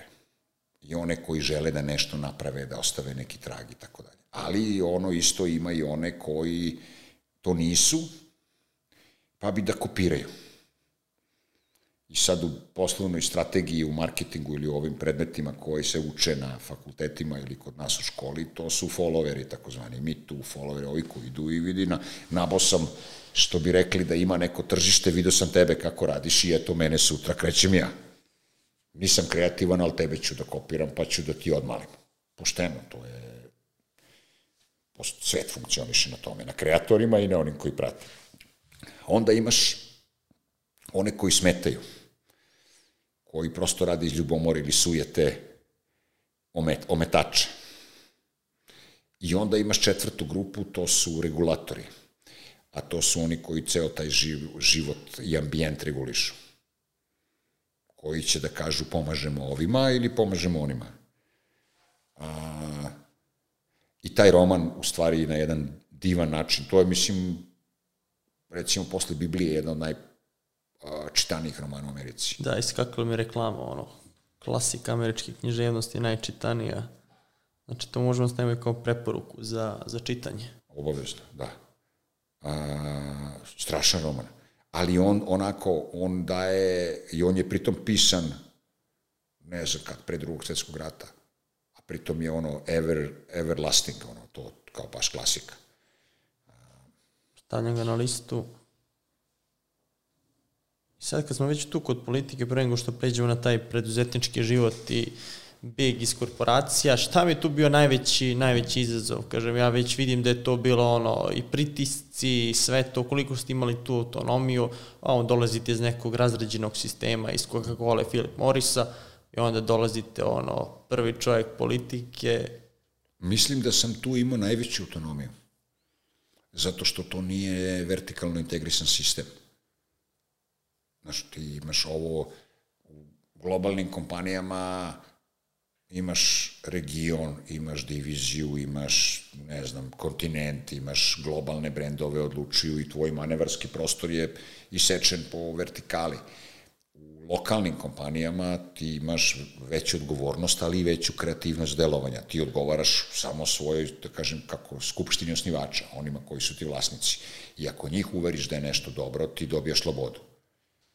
Tako smo i mi dobili a, bili slobodu da, ne znam, redizajniramo sve proizvode, da a, kompjuterizujemo redakciju, da uvedemo sve softvere, da, znaš, to su, mislim, sad to zvuči kao, vidi, banalne stvari, ali ti bilo šta od toga da provedeš, da recimo zaštitiš sve grafičke standarde koji su postojali, da imaš svoje fontove, da napraviš redizajn svih tih novina, da, pa mislim, svašta nešto, da napraviš to online izdanje koje će biti digitalno, da možeš da, da pratiš, da promovišeš neke mlade ljude koji su do tad bili držali su da ih zaposliš, da dobiju posao, da dođu da rade, da ih te obučiš, da ih intervjuiš, svašta nešto. Da tu zgradu središ, renoviraš, da, da stvoriš jedno pristojno, lepo mesto za rad. Da objasniš ljudima ako radiš ovo, pa ti je ovolika plata, radiš ovo, bit će ti ovolika plata, da to nije neka stvar koja je subjektivna, došao neki direktor koji voli sad crnogorce, pa će da rade svi crnogorci, ili ako je on makedonac, će biti makedonci, nego da uvedeš jedan meritokratski neki zdrav normalan princip. Veliki zadatak, nije lako to. Koliko je bilo teško odobrati se tim pritiscima? Jeste tu prvi čovjek da vama neko sad dođe da, da vrši pritisak. Ej, ajde promeni, promeni kurs, ajde ovde, ajde ovde. Verujem da je bilo takvih pritisaka. No, bilo je koliko hoćeš, ali imao sam strašna leđa. Znaš, uh, Kusta je, koji je bio tu, da kažemo, najeksponiraniji, najjači. On je bio ozbiljna ozbiljna zaštita. Ja mislim da da nije njega bilo da bi mene pokidali, da ne bi godinu dana izdržao. Nego je bilo kada oni to krenu, onda ja zovem njega, onda on ili se pojavi ili dođe ili on je ozbiljna u tom smislu bio. Njemu je isto jako stalo bilo da, da mi taj posao uradimo kako treba. I na kraju ti dobiješ najveće poštovanje od tih takozvanih svojih neprijatelja. Znaš, nama je Vac, mi smo došli kao neko ko je trebao spreči Vac da, da u stvari preotme politiku, a završili smo tako da su se oni zahvaljivali da, da je ono bilo za sa nama veliko zadovoljstvo da se radi, da smo napravili bolju firmu. Tako da to nije, nije loše. Ali istina ono, da duše to važi za, za urednike, kaže, njih ne može da dobiješ pre 12 jer su sudnici, ono, svakog dana. Ma ima to, ne, bilo je, bilo je to i bilo je recimo a, da se cirkalo dosta. Pa novinari, logično. Da je to, vidi, manje je to, ali bilo je recimo ti ideš po to, po kancelariji tih direktora ili ne znam ja šta i kao odmah krenu od 11 krene da se otvori flaša viskija, da nam to pomogne da... Kreativa. Da to kao mi budemo... Ovaj, nema toga, ja mislim sad, uh, skoro uopšte, ali inače po našim firmama uh, alkoholizam uh, harao u tim nesređenim firmama, kao što toga dosta ima, na primjer, u bolnicama državnim još uvek. Vole, vole da piju. Pa kako kad im donesu viski? Ne, ne mora uvijek da se popije. Ne, sve u redu, meni samo zanimljivo, uvijek mi je bila ta korelacija zanimljiva, kao ma to mi ne smeta ništa, znaš, ili ko, ono, piloti kad nakrkaju onaj kiseonik, ovaj, da se posle otrezne. I to je sad, sad već vidimo ono logičan sled kad sam rekao da ste pobegli iz korporacija u preduzetništvo i sad već ima smisla iz politike u preduzetništvo, je li tako? Ili bilo možda i tu nekakvih ne, preklapanja? Ne, bilo između, bilo između različitih projekata, preduzetničkih.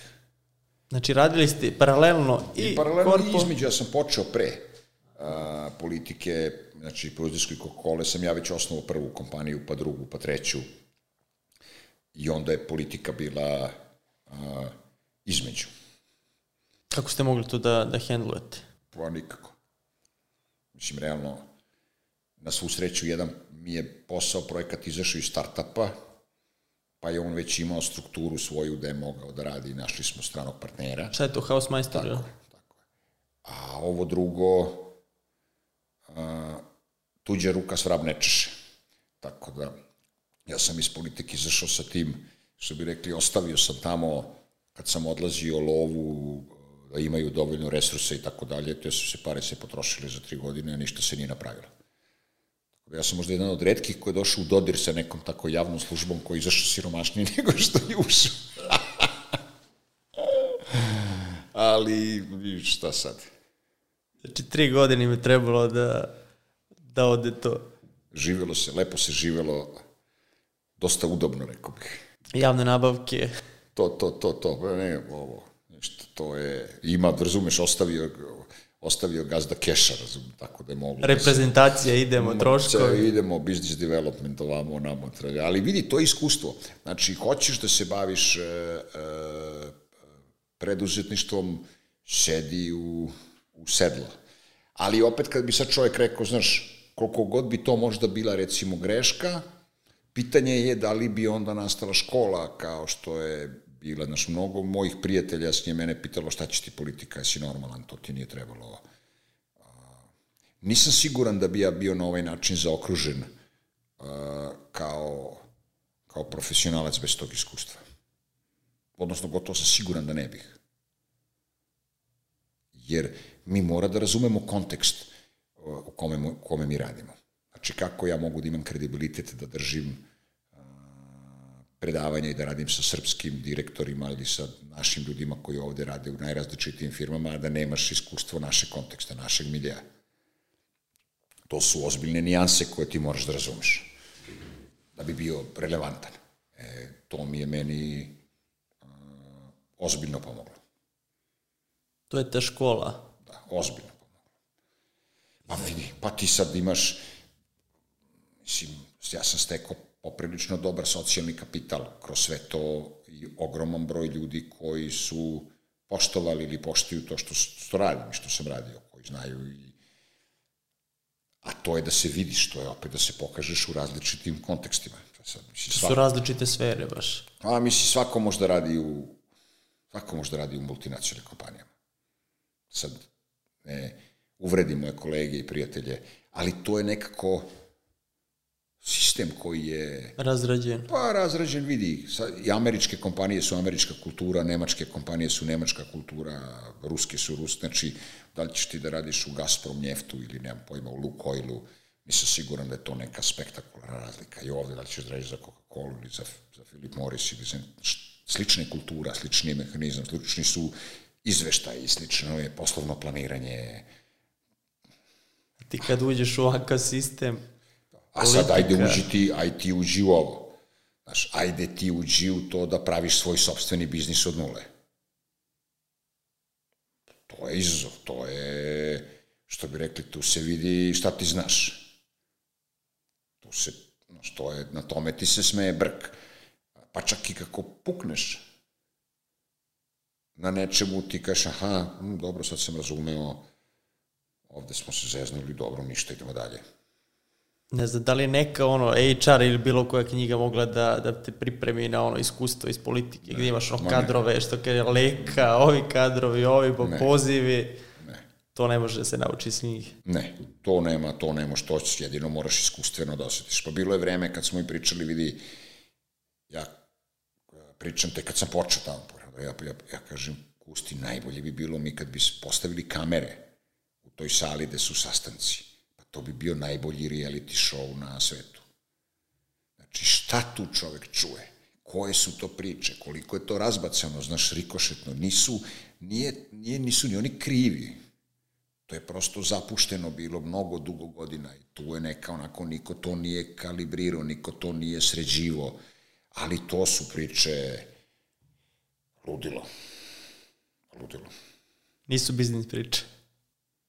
To su sve biznis priče, ali to su priče iz kojih ti razumeš, neko ti kaže, vidi, gledate, neko ti sad pričaš nekim sindikatom, recimo, ajde da prosto dočaramo tu ovaj, atmosferu. I sad ti pričaš sa sindikatima ili s nekim, onda ti neko dobacuje iz nekog tamo trećeg ugla, ni ne vidiš ko Alo, Dorčolac, polomit ćemo ti noge. sad ti si uglađen, fin, sve ti se čini da je to ljubi. Ili ima neka, recimo, to je bila divna scena, mi radimo redizajn novina i sad mi dovedemo čuvenog tog Mirka Ilića, smo doveli iz Amerike, koji je naš grafički dizajner, radi novine, znači ima čovjek, ceo život se time bavi. Što bi rekli, doveo si, ono, puca trojke, ceo NBA. u svo, pa on utuče u tome i radio za sve moguće časopise svetski, tako da.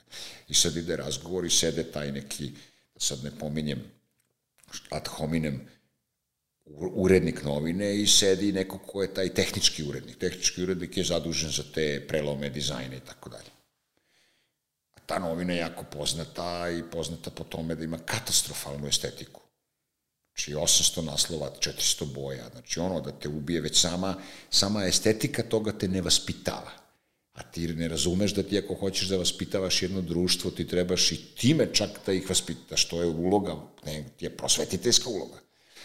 I sad mi krećemo da pričamo o tome, ja ih predstavljam sad, upoznajem i hoću da ovaj čovek počne da radi za njih, da se ta novina redizajnira i tako dalje. I, I ovaj ga sad pita, taj tehnički urednik pita, a što si ti tako, dakle ti misliš da ti sad sve to znaš da nam objašnjavaš? A sad se ovo iznervira i kaže, a, čujte, a on je neki, ima taj purgerski neki, iako je srbin, ovaj, taj akcenat, on, čujte, ali ja sam radio za New York Times, ja sam radio za Newsweek, ja sam radio za USA Today, tako. A ovaj sedi ovako, taj preko puta stola, onako malo, ovako bucko, ima neku čačkalicu ili šibicu ovdje, kaže, gde još? Rešio ga. Vidi, ja da padnem sa stolice. Sad ja ne smem da se smejem, zato što ovaj je, ovaj će da mi ode, ovaj mi treba konsultant da radi, ovaj će kaže, vidi, da li si normalan, razumeš, ono, kao neću da imam veze sa... E sad ja onda krenem polako da peglam, da se oni ipak spoji, na kraju oni urade lep posao neki uspito, ali to je, kako ti kažem, to je ona mešavina kao što mi gledamo, ono, to je naša ta šira kultura, da ti ako ideš u, u nekom javnom prostoru i teo bi nešto kažeš pametno, onda će da ti dođe neko ko nemam pojma, Velja Ilić kaže, a, ali mi znamo kad se ti juče napio, bez obzira što se nikad nisi napio, nema veze, ali to je moša, razumiješ? Uvek prolazi. Ma uvek, a, ali ti si, je se sećaš onda, dok si ti odgovorio, brate, koga to zanima, razumeš? To je, e, a nama, znaš, posle hardvera i posle ovog svega što se radi sa tim, a, putevima, železnicama i ovim i onim, na pitanje na temu dnevnog reda će doći veliko pitanje, softvers, softversko pitanje, a to je kako ćeš ti da mobilišeš ljude da stvaraju na individualnom nivou, ne na nivou sad ću da ti dam uh, platu ili ću da te zapretim ili nešto, nego to, preduzetnici, ideje, to, ta grupa u stvari počne ozbiljnije da doprinosi, a to će biti s mlađom generacijom, to je sa mlađim od mene, a tvojim godištem i starijim. Da, to je problem, jer te stvari, ono što ste rekli, ne, ne prolaze, ono, ni, ni pretnje, ni to gde ti imaš nekog visoko obrazovanog senior programera, ti to bukvalno moraš da titraš da bi ti to mesto zadržao, jer on zna da može bolje uslove da nađe u nekoj drugoj kompaniji i to su ono baš krajnosti. Da, ma ne, ali te fore ne prolaze, kod mlađe generacije stvarno ne prolazi. Ti sad kad gledaš uopšte taj ceo tu generaciju tog mlađeg sveta koji nešto stvara i radi, to su to su klinci koji su na nivou svojih vršnjaka na, na zapadu. Tu nema gepa. Taj gep je a, nebitan postao.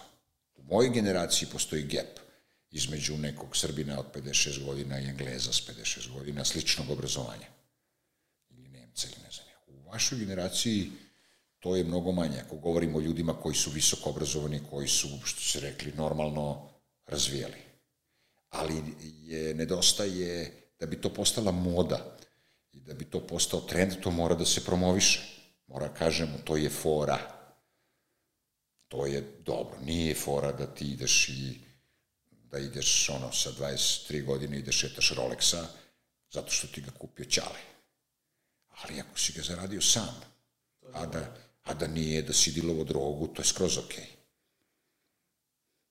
I kad takve priče stavimo ono, u eter, da ljudi vide ono, gde postoji klinci koji su napravili nešto samostalno, znači ne izdržavaju ih roditelji, taj auto mu nije kupio otac, majka, već sam zaradio, da je to moguće u stvari, jer mi do skoro, realno to nije bilo moguće kad gledamo, ili su to baš bile ekstremne situacije, da ti kad vidiš nekog, skoro sam negde, negde pričao baš o tome, da vidiš neko vozi auto kao ili mu neko kupio, ili neki, ama, eventualno, futbaler, sportista, visoko plaćen, ili dilo je drogu. Ono. E ti sad tek možeš da vidiš te situacije da je sam zaradi. Šta radi, kažu, internet prodaje, YouTube, ne znam šta, to je moguće ono i da ljudi vide, to je ta mlađa generacija da vide, meni je to hrabrenje jer vidim da mlađe generacije, to je 15, 16 godina, imaju taj mindset gde hoće oni da probaju nešto, hoće da rade, ne, ne gledaju te, te neke ekstreme, već gledaju te zdrave priče. I to je jedan od cilja biznis priče. Pa jeste, pa to je super. To je, da kažem, tu, to je jedan od ciljeva škole. Znaš, ti možeš, ja sa ogromnom dozom sigurnosti mogu da kažem, aha, neko ko dođe kod nas na taj program za mali biznis, mo, možemo da mu nacrtamo algoritam, da ti sad imaš mali biznis, da mu kažeš, vidi, za 20 godina možeš da izađeš sa tim da ćeš imati milion, dva ili tri miliona evra ako budeš teo taj biznis da prodaš. Mi sad već imamo prilike da ljudi normalno izlaze iz biznisa, normalno prodaju svoje biznise, da li su veliki, da li su mali, zavisi koliko porastu i da to nije neka više ni sramota. Znaš, ranije si ti krio.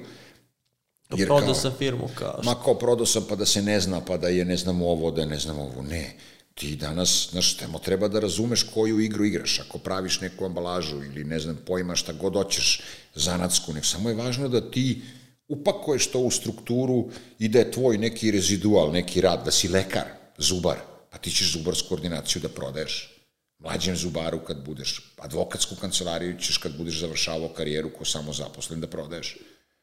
Ali moraš da razumeš šta radiš, kako spremaš, so, i to su tebi penzioni, to ti je penzioni paket. Tako je, najveći broj zapadnih modela u samozapošljavanju funkcionišu po tom principu. To je planiranje i priprema. Ne prodaju se samo gigantske firme. To je, u stvari, to je u stvari biznis, a ne ono, da kažem, radno mesto ili gde ja moram da, pa, da budem. ako si to izabrao, to bi mogla bude dovoljna motivacija. Sasvim bi dovoljna motivacija za nekog mogla bude, vidi, imaću sistem od, nemam pojma, tri radnje za hemijsko čišćenje ili pranje i peglanje u Beogradu i deset radnje i to ću da razvijem za 20 godina i da imam šta i kako sa tim radim i onda ću kad budem imao 56 ili 60 godina da to rešim da prodam nekom mlađem, ali dotle ću imati stabilnu dobit, stabilna posao, stabilizovat ću no, i onda ću da to prodam po multiplikatorima koji budu vredeli i da iz toga izađem i da odem u penziju. Sasvim zdrava ono biznis priča i sad uh, iz politike u preduzetništvo i dolazimo do 2009. godine i Okrogorske škole menadžmenta. Kako ste došli na ideju i kako je krenula ta prva godina škole? Ma evo, sve smo sad ispričali, ta ideja se sama isprofilisala. Sad već vidim i zbog čega Mokra Gora, tako koje je tu kusta pre toga uklopilo pa, se. Tako, pa vidi, mok, ma, to smo sve, ovaj, to smo više puta i pričali, ali je, ali je Mokra Gora je srpska lepota, domaća lepota, to je domaće preduzetništvo. To je neko, nije bilo ništa, pa je nešto nastalo. Neko došao, neko je video, rekao, wow, uložio trud, pero, mastilo, radio svoje pare, napravio nešto i to se naslanja, to je iz te ideologije, to je iz tog korpusa i zato je na Mokroj gori, zato je Mokrogorska, pa vidi, Kustu, Kusti bi spomenik trebali da dižu, svi ti tamo kolektivno stanovnici to kraja. Ne da ga brljaju i da ga napadnu, bukvalno spomenik, jer je digo cene, preporodio taj kraj. Preporodio. Znači, tamo je ar bio 10 evra i nikoga nije kupovao. A danas je 1000 evra i, ne, i ima kupaca koliko hoćeš. I ima vode, ima puta, ima kanalizacije, ima telefona, pa to je sve, to sve nije došlo zato što je to palo s neba, nego je došlo zato što je neki uh, posvećenik to radio, a mogo je to isto da radi, možeš misliti koliko ima u Francuskoj krajeva koji isto tako nemaju, nedostaje im optički kabel i put. Mogo je tamo da se posveti da to radi. A, a nije, nego je izabrao, izabrao Srbiju. I mi smo u tomu, mi smo se u to uklopili. Ja sam se tu prepoznao oko škole i, i tako smo krenuli da guramo priču. Šta su bili prvi koraci? prvi koraci su bili da smislimo logo. A to, to smo radili godinu dana. Ono. Tu, tu jeste problem kod, ono, kod ljudi koji ulaze u biznis. Sajmo logo da radimo tri meseca. Ma ja, ja sam prvi, prvi projekat radio sve by the book i sa sve apendiksima. Znači, Hausmeister sam radio sve najpreciznije, najštreberskije, naj, naj, naj, naj, naj, naj. Pa onda nešto sam radio tu uzmeđu, što je isto rađeno pedantno i ovo, a kad je već došlo do, do škole, već sam razumeo, aha, čekaj, čekaj, pa pola toga radi, pola toga ne radi. I onda je bilo, vidite, pravimo školu. I gde ćemo da pravimo školu, pala odluka na Mokru goru i sad ima priča oko toga kako je nastala Mokrogorska, da se nije zvala nešto drugačije, to, što nije na engleskom, to biznis. MBA pa, school. Pa nešto to, a European school of success, na primjer, to bi bilo uh, how to become rich fast. Uh, Napoleon nije, Hill. To, to, to, to, ništa toga nije bilo, ali evo, sve ti je jasno iz ove priče uh, i zašto i kako. Uh, a prvi potez je stvarno bio aj tu da napravimo i ništa nismo znali ni šta će biti, bili su neki osnovni projekti, ali ja sam to uh, na primer 2000 2009. pokrenuo u leto ili u jesen, a prve programe smo počeli da držimo 2010. u, proleće. Znači, ovo je bio obilazak terena, kukanje, moljenje, vučenje za rukav, da dobijemo prve kupce. Ko su bili prvi kupci, se sećate ono prvih kupaca, polaznika? Kako se ne sećam, to nam je najmilija prva generacija. Od uh, Od prvih kupaca sa dve kompanije radimo i dan danas. Prve su firme bile koje su kupile naše usluge, su bili Lili Drogerije, a, Metalac, Melt, Imlek, Bambi, Knjaz, ondašnja Srpska banka, Privredna komora. To su bili prvi krug gde sam ja išao i obilazio i rekao mi pravimo školu, jel biste teli nam pomognete da krenemo. I oni su faktički kupili prve usluge bez da, je, da su usluge i postojale.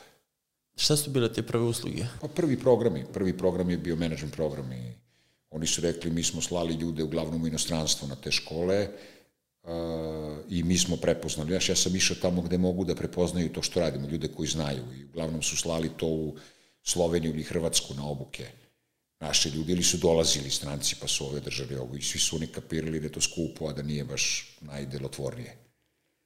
I legli su na tu ideju odmah. Moram priznati, Pridna komora Beograda u ono vreme i Srbije su odmah rekli mi to podržavamo. Oni su nam bili to što se zove institucionalni partner, kao da će da podrže razvoj programa i tako. U tvari nama je trebalo da steknemo legitimitet, a i da imamo nekoga sa kim ćemo da pričamo, ovaj, da, nas to, da nas to zanima i da to razrađujemo. I tako smo s njima krenuli. Pa nam je onda da li godinu, dve, dve kasnije nam je FON postao partner za izvođenje programa, jer je to opet komplementarno većina fakulteta na zapadu. Znači, ja sam to sve skido zapadne modele. Prvo, privredne komore pomažu te poslovne škole. Najbolje škole u svetu, kao što recimo INSEAD u Parizu, on je nastao tako što je Prina komora Pariza bila prvi patron. A isto je privatni preduzetnik pokrenuo. I dan danas je to privatna fondacija. Odnosno, organizacija. Ali sad to ti nama da objasniš našima. Ali mi imamo svoj trening za centar za obrazovanje, vi ćete da nam uzmete posao, da oni bi sve date u tuku zato što ima tetka Ruža koja prima platu i koji ti hoćeš da ako ti radiš nešto drugačije, onda će se vidjeti u stvari da možda i može drugačije. A mi nećemo drugačije, mi hoćemo kako smo uvek radili a onako kako smo, kad našom poslovicu, ako uvek budemo radili onako kako smo do sad radili, imat ćemo i rezultate koje smo do sad imali. Ako tako, ne gore. Tako da inovacija je tu nula bodova, ti se pojavljuješ i sad bi ti tu nešto da izmišljaš. U svakom slučaju oni su nas tu, tako je krenulo, oni su nas podržali, pa se onda nas je fon podržao, iz fonu je bilo, kako se zvala profesorka Vinka Filipović, A Vinka, da. je bila i Nevenka Neka je bila i dekan posle. Koje? E, njih dve su odmah prepoznale uh, da je to fenomenalno i da su one to vidjeli u svetu, što je takozvani executive education, je drugačija životinja nego što je formalno obrazovanje. I metodologija obrazovanja za obrazovanje menadžera je drugačija nego što je akademsko obrazovanje. Potpuno pristup drugačiji, način rada drugačiji. Treba da bude, to je i ništa, da smo mi pravili taj MBA program, Boga mi uspešno izvodili sve do prošle godine kad smo odlučili da nećemo više da radimo zajedno, da i onda smo mi to nastavili da radimo sami. Tako. Šta je tu bio, ajmo prvo, zbog čega ste prekinuli da radite taj MBA? Uh, Pa ja mislim da njima to nije bilo dovoljno zanimljivo. To je suviše mali i niš, nišni program, a, a bilo je nešto to povlačenja tamo po, po tim portalima, da li je to moguće, da li to sme, da li je to zakonom dozvoljeno ili nije dozvoljeno. Znaš, počelo je da nešto je to, a opet nema veze, to nije imalo s nama, mi smo tu bili, a nama je važno bilo da se mi tu zaštitimo, a mislim da ni fonu nije bilo značajno, da su oni insistirali, rekli mi baš hoćemo, želimo, onda bi mi s njima, ko s partnerima, izgurali to i borili bi se zajedno. A mi smo se borili, što bi rekli, i za njih i za nas. Pa pošto nije njima toliko bilo važno, a nama je važno, jer smo mi to zapravo i kreirali, stvorili, smislili i tako dalje, onda smo mi to nastavili i eto, Bože zdravlja, sad upisujemo sledeću novu generaciju, a prošla nam je bila rekordna i to je to. Sada je koliko prošlo? 10.000 ljudi skoro prošlo kroz program? Kro, ne, kroz sve programe. Kroz sve, to, tako, to. Tako je, više od 10. Više od 10. Ja mislim da je prošlo oko, možda blizu 30.000. 30.000. Pa što nije ništa, ako računamo da ima, na primer, između 200 i 300 hiljada rukovodilaca u Srbiji. Znači ima potencijala IHH još. Pa koliko hoćeš. I sad u tim prvim godinama šta je bio najveći izazov? Krenuli ste od nule? Pa prvo ideš tamo pa objašnjavaš ko ste vi, a ti kažeš mi smo Mokrogorska, oni Mokroluška, Ravnogorska. Ta je najveća bila. A, pa ima neki klinac, to je stalno pričama, dobra je priča na Dorčilu, tamo ja sipam benzin i sad vozim neki auto na kome pišemo Krogorska škola menadžmenta, ima šajkača. I on, sipa mi onaj benzin i kaže, a? Četnici, a? Ja kažem, odakle ti to? Preko, vidiš da je to knjiga, da je to otvoren prozor, logo, a on me gleda, a kaže, a, važi. I sad, ko je pravio taj logo? Provalio, provalio. Provalio vas i sad, ko je pravio logo, je li bilo? Pa, odmah da zovem ko je, ko je pravio logo. Da, da, da. Ne, ne, ne, logo pravio Deki Mitrović, naš drug, koji je a, koji je završio, to, u to vreme je bio student još u Engleskoj, on je studirao dizajn na onaj Royal College of Arts. I... Imigracija. Emigra, emigracija. Ali on je radio po vrlo, on je praktičan i on je radio po vrlo preciznom mandatu. Znači, ja sam ga zvao i rekao, to ide iz toga kako je nastala škola. Znači, ja sam prelomio na leto da će to biti Mokrogorska, da će zvati Mokrogorska škola menadžmenta i da će biti na Mokroj gori. I onda je bilo, vidi, brzo mi treba logo, zovem ga Desi Deki, on kaže, ja sam u Grčkoj na moru, pa dolazi sutra u Berku, vi, treba mi logo, pravim poslovnu školu, uh, bit će, ovaj, treba mi da je nacionalna škola, uh, da se vidi da je srpska stvar, ali da grafički i estetski izgleda kao da je engleska. Znači da je kruta, da je upakovano, zategnuto kako treba. I on kaže, dolazi sutra i doneću ti nešto. I onda donese sutra i pokazuje mi to naravno šajkača. I kaže, vidi, malo sam promenio boje, bolje da je Jaguar zelena, ova Royal Green boja, nego ova naše šajkače su malo više mišija zelena, to nije ovaj kao bolja boja. To ti je i onda mi donosi taj kao logo koji ima tri mš, mšm, kao tri ova, ovaj, tri šajkače. Ja, a mi se dogovorili sad ubiće me što to pričam, ali pošto već ovaj, je on etabliran i neće mu to naštetiti. Prošlo je, da. prošlo, prošlo je, ovaj, ja mu kažem, rekao, imam 200 evra da ti dam. Kao, tako smo se dogovorili. A on gleda ova, kaže, e bre, koja si stipsa, kaže, pa ajde daj makar 300 evra da za svaku šajkaču daš po 100 evra. Stiso se. da, da, da. Tako da, ovaj, ali eto, to, to ti je ovaj priča, znači tebi radi a, tebi radi magistrant na Royal College of Art, dizajn za srpsku školu a, menadžmenta sa elementima a, Royal Greena u sebi, a da je nekako to i nacionalna stvar. Tako da to je sve pomešano, to sve vuče jedno a, drugo. I sad krenuli ste tu, ljudima ste objasnili koliko mi znači, to jest mnogo mi znači sigurno taj društveni kapital koji ste imali već kao prepoznati direktor u, IHH prvo, kompanija. U tom prvom impulsu 100%. Znači sve ove što sam pomenuo kao ti prvi klijenti, to su ljudi koji su me znali, koji su znali ko sam i šta sam, znali su moju biografiju s LinkedIna, da je nepogrešiva i da, da sam postigao neverovatne uspehe Je bilo halo ovde srđan iz politike? Tako je, ovde se halo, s koje politike? Nije, nije, vidi da ti kažem, tu ima jako zanimljiva stvar je kako ovaj, uh, prestanu da ti zvone telefoni kad nemaš više funkciju.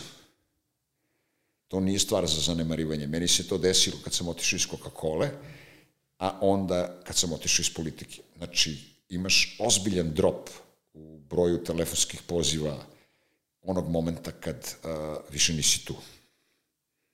I to isto ljudi teško mogu da podnesu. Znači, to, to je psihički, ti si jedan put neki koji je bio nenormalno važan, moraš da imaš dve sekretarice, non stop te neko traži, danima ne može da te nađe, a ti si ne znam nije šta, na, nije bilo, sećam se u Coca-Coli kad sam bio, nije bilo skupa koji je organizovan neki taj, a da mene nisu stavljali u neki upravni odbor.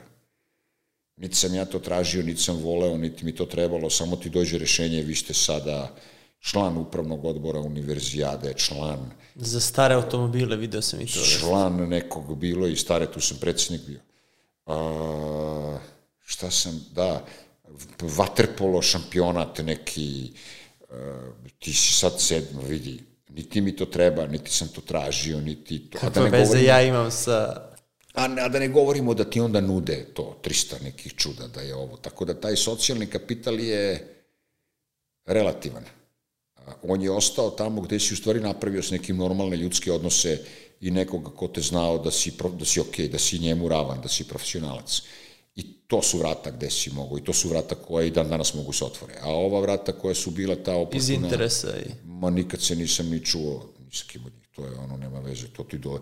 Možda nam dolaze na programe sad, možda su nam klijentali, niti se znamo, niti se zovemo, što bi rekli neka, neka normalna rutina. I to isto ljudski, ne mislim da je to sad nešto spektakularno. Ali važno je da čovek doživi, da proživi to. Da telefoni ne zvone. Kako ste to podneli? Je li bilo da li radi telefon, da li... Čovek, funkcija. Pa vidi, ne znam, ne mogu setiti sad da li sam, prvi put sam to možda teže podneo, prvi put mi je bio veći šok. Uh, iz Coca-Cola u, u uličare privatnike. Uličare privatnike. Znaš, to je bio ono kao sad, znaš, to je, ono, šta, šta ćeš sada raditi? Mislim, tu je ozbiljno pitanje uh, isto šoka kad ti dođe prvi mesec Nema plate. Nema plate. Au. To je velika muka. Pa onda, a, kad dođe pa ti zaključiš, aha, ja sad ne treba samo da zaradim za svoju platu, nego ja sad mora da prvo zaradim da pokrijem sve troškove te firme koju sam napravio, pa tek onda ide plata za mene. A ovde ti sad primiš platu, ne možeš da je potrošiš, ti nemaš drugi, imaš za svoju porodicu, imaš nešto, realno sa tim, kad već zarađuješ te parusine, ti možda uštediš, nemam pojma, 70%, možeš se bahatiš i uštedećeš 70% plate. Što su te veliki brojevi. A ovde ti sebi ne možeš da isplatiš ni 30% onoga što si ti imao, tu treba da zaradiš, bre treba ispod toga, platio si porez, platio si PDV, platio si kancelariju, platio si nekog da ti radi, platio si ozbiljna ozbiljna promena algoritma. Jeste razmišljali tada ono šta mi je ovo trebalo? Kako nisam, koliko hoćeš puta. Razmišljao sam ne tada jednom. Razmišljao sam pet godina najmanje jednom godišnje a verovatno i češće, da ono, dođeš uvek, šta, šta mi je ovo trebalo? Zašto? Znači, najveći broj ljudi odustane od toga. To nije, kad si iz korporacija, kad ideš, ti si naročito kad ideš, kad si, ajde iz korporacija, sad ja sam radio dve godine ko komercijalista, pa sam imao platu 50-60 hiljada dinara, pa sam počeo neki svoj biznis. Tu nije, razlika nije, nije gap veliki. Ali kad si ti direktor neke firme u kontinuitetu, da ne kažem 15 godina, 10 godina, sa tim primanjima, Benefiti prihodima, sa imaš čega doćiš, razumeš? Ti nemaš svoja kola, menjaju ti se službena kola na dve godine, da obijaš kako izađe neki novi mobilni telefon, tako ti ga neko donese, ka, ka, ha, ha, evo za vas direktore sigurno će vam trebati. I ne znam, razumeš te gluposti koje su i sad ti kažeš odlično ću da napravim neku vrednost sobstvenu i shvatiš da to ne može se desiti za godinu dana, ne može se desiti za dve. Možda ako si srećan, može se desiti za tri, četiri ili pet. Posle treće bude lakše. Ko izdrži tri, u preduzetništvu počne da se navikava polako I onda se recimo si naviko si se od treće do šeste, a onda posle počneš da uživaš. Vama je plus trebalo i to odvikavanje od direktorske pozicije, benefita. I, pa i nije samo, znaš kako, ne samo jedno je direktor, gde se odvikneš i od toga da si ti, znaš, ipak su te kompanije, aj kad slonim politiku, ona je druga životinja, ali ove velike kompanije su kao da radiš u nekom podstaklenim zvonom. Što su sistemi koji su nadsistemi. Nadsistemsko je knjigovodstvo, nadsistemske su financije, nadsistemsko je budžetiranje, nadsistemsko je računanje, prodaja neka, kao ti sad imaš nekog kontakta s prodajom. Kako imaš kontakt s prodajom? Prodaje 500 ljudi, 5, 5, 15.000 prodajnih mesta prodaje tvoju robu, razumeš? Nemaš ti, nisi ti, u kom si ti kontaktu sa tim.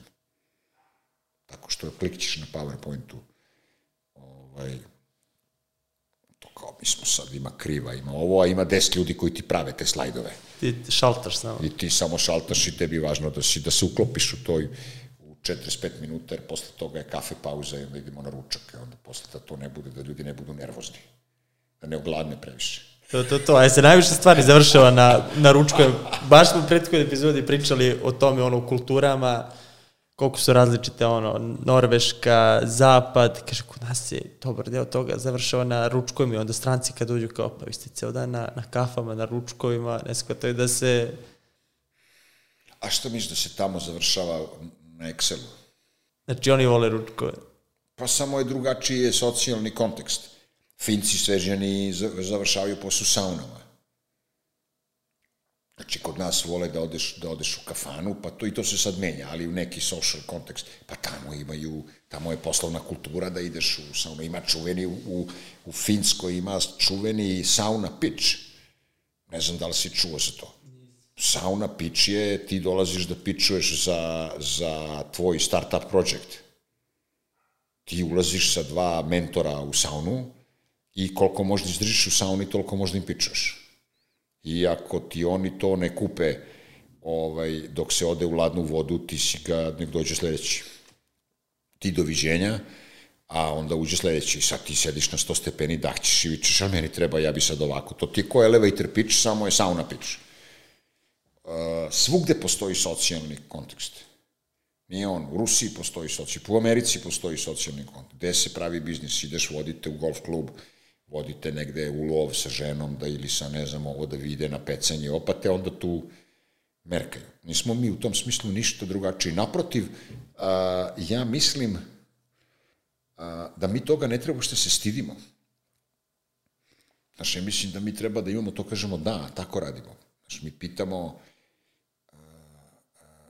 naše partnere, Austrijanci, kad smo mi prodavali Hausmeister, mnogo više interesovali iz koje smo mi porodice, ili imamo dece, koliko imamo članova porodice, na osnovu toga je on poverovao da li su brojevi naši ispravni. Kako to? Pa tako. To ti daje osjećaj uh, uverenja. Kakav si ti tip. Znaš, ako si stabilan, ako si neko ko je ko daje utisak da onda su i ti brojevi koje ti šta, šta Excel bre trpi sve, grafika, ta PowerPoint, laganje, koliko firmi ima koje lažu, koje su propale, znaš, to je neverovatno u što je korporatizacija dovela. Znaš, korporatizacija je dovela do toga da niko nikom ni za šta ne veruje. Pa moraš da imaš auditorovog auditora koji će da proveri da li si ti u stvari ispravan. A onda se ispostavi da i oni koji treba da kažu da si ti ispravan, da su oni sami neispravni. Ozbiljna je, uh, ozbiljna je u tom smislu Manipulacija. hipokrizija. Znaš, tu je ozbiljna, tako da mi imamo, ja mogu da verujem tebi, znaš, ja bi za recimo ovo, za proizvode, ove, čim ja ne mogu da proverim na checkpointu ko je vlasnik, čim vlasnik nije legitimisan, meni je to nešto sumnjivo. A ako ti staneš iza svog proizvoda koji radiš ili svoje usluge koje radiš, ti si taj taj, imaš svoje ime i prezime, imaš svoje u nekoj maloj sredini gde mi živimo, ne govorim za berzanske proizvode ili za proizvode koji su na njujorskoj berzi. Tebi jasno ko je adresa kod koje ti, kome se obraćaš. Znaš, postoji neki lični pečat tome šta ti daješ i to uopšte nije nikakva šala. Sad spomenuli ste tu prodaju Hausmeister, vi ste to napravili, i prodali Austrijancima. Koliko mi je trebalo godine da to razvijete da bi to moglo da se proda? Uh, mislim da godinu i po dana smo mi bili u startupu i oni su se pojavili kad smo mi već bili, rekao bih, na izdisaju. Šta su oni bili investitori ili su, bili kupci? E, kako misliš? Pa da su došli da kupe ceo biznis ili Ne, da ne, ne, oni su podrže? došli da kupe, oni su došli da sa strategijom build or buy. Oni su došli sa strategijom u Srbiji ili će da kupe neki biznis ili će da ga naprave. A onda kad su naleteli na nas koji smo bili u startupu, mi smo im bili procenili smo da smo im, da su on, da smo im bolja opcija nego da oni prave svoj sopstveni biznis tu. I, a to je nama opet bilo jako korisno, to što su oni znali i imali, mi nismo znali. I mi smo tapkali u mraku, eksperimentisali oko nečeg što je malo bilo drugačije nego što je to danas i to se ispostavio super brak. I on je on je bio ovaj, prvih pet, e, prvo je prodata polovina, pa je e, pa sam je onda prodao ostatak posle pet godine, takav je bio dogovor, da se oni prate taj razvoj biznisa da bi se bila izvršila proces. Ali vidi, to je sve na pamet na mozak, na pamet, na trud, na mišiće, na to, na šta znam. Pa kad ti sad neko kaže glupi su, ne treba znanje, nego može na nema đavola. Sve inženjering, to je kao, to je inženjerski posao. Da kreiraš dobar biznis, da ga nađeš kupca, da ga napraviš za nek, to je inženjerski posao. Kako izgleda do taj, baš da, da vidimo ono, izgradili ste biznis, kako izgleda taj deo, hoćemo da, da prodamo, jesu oni vama jave, ili ste vi njih našli, koliko su trajali ti pregovori, Ma ne, ovi su došli sami, oni su sami došli preko banke neke, ali koja je to godina bila? peta. Pet. ja mislim, peta. Da. Znači, mi smo nešto godinu, recimo, jače od godinu dana, godinu i po dana je, recimo, Hausmeister već radili smo prošli godinu dana. Ali negativan cash flow, znači ona, mi smo se dokazali, vole nas, ima proizvod, sve super, ali Samo nema uvek- kinte. Nemaju, ne, ne da nema kinte, nego su troškovi neuporedivo veći. Ja recimo mislim, da sećam se da li je bilo pre godine 50.000 evra prihoda, 150.000 troškova. A ko je finansirao te troškove? Pa ja, kao, kao da kažem, većinski investitor. Druga godina je bila nešto, taj gap se malo smanjuje i onda je bilo treća, četvrta godina, onda se to polako je krenulo da se, da se preseca, ali to nije nikakva varijanta bila, sad ti kažeš vidi, sad smo se izbezumili. Nema izbezumili. Nego ozbiljan, a, ozbiljan trud i to ti je, e, treba da izdržiš to. Ništa, onda su se ti ljudi pojavili i rekli mi bi to da kupe, nama se to sviđa. I sve nas je sunce ogrelo.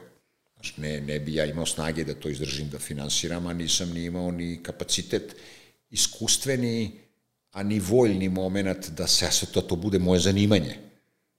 Znači, ja nisam građan, inženjer, nisam tehnički inženjer, nisam građanski, niti sebe vidim u tom. Meni je to bio interesantan projekat u konceptu, u misalnom smislu. Da se gradi. Kako to može da se napravi.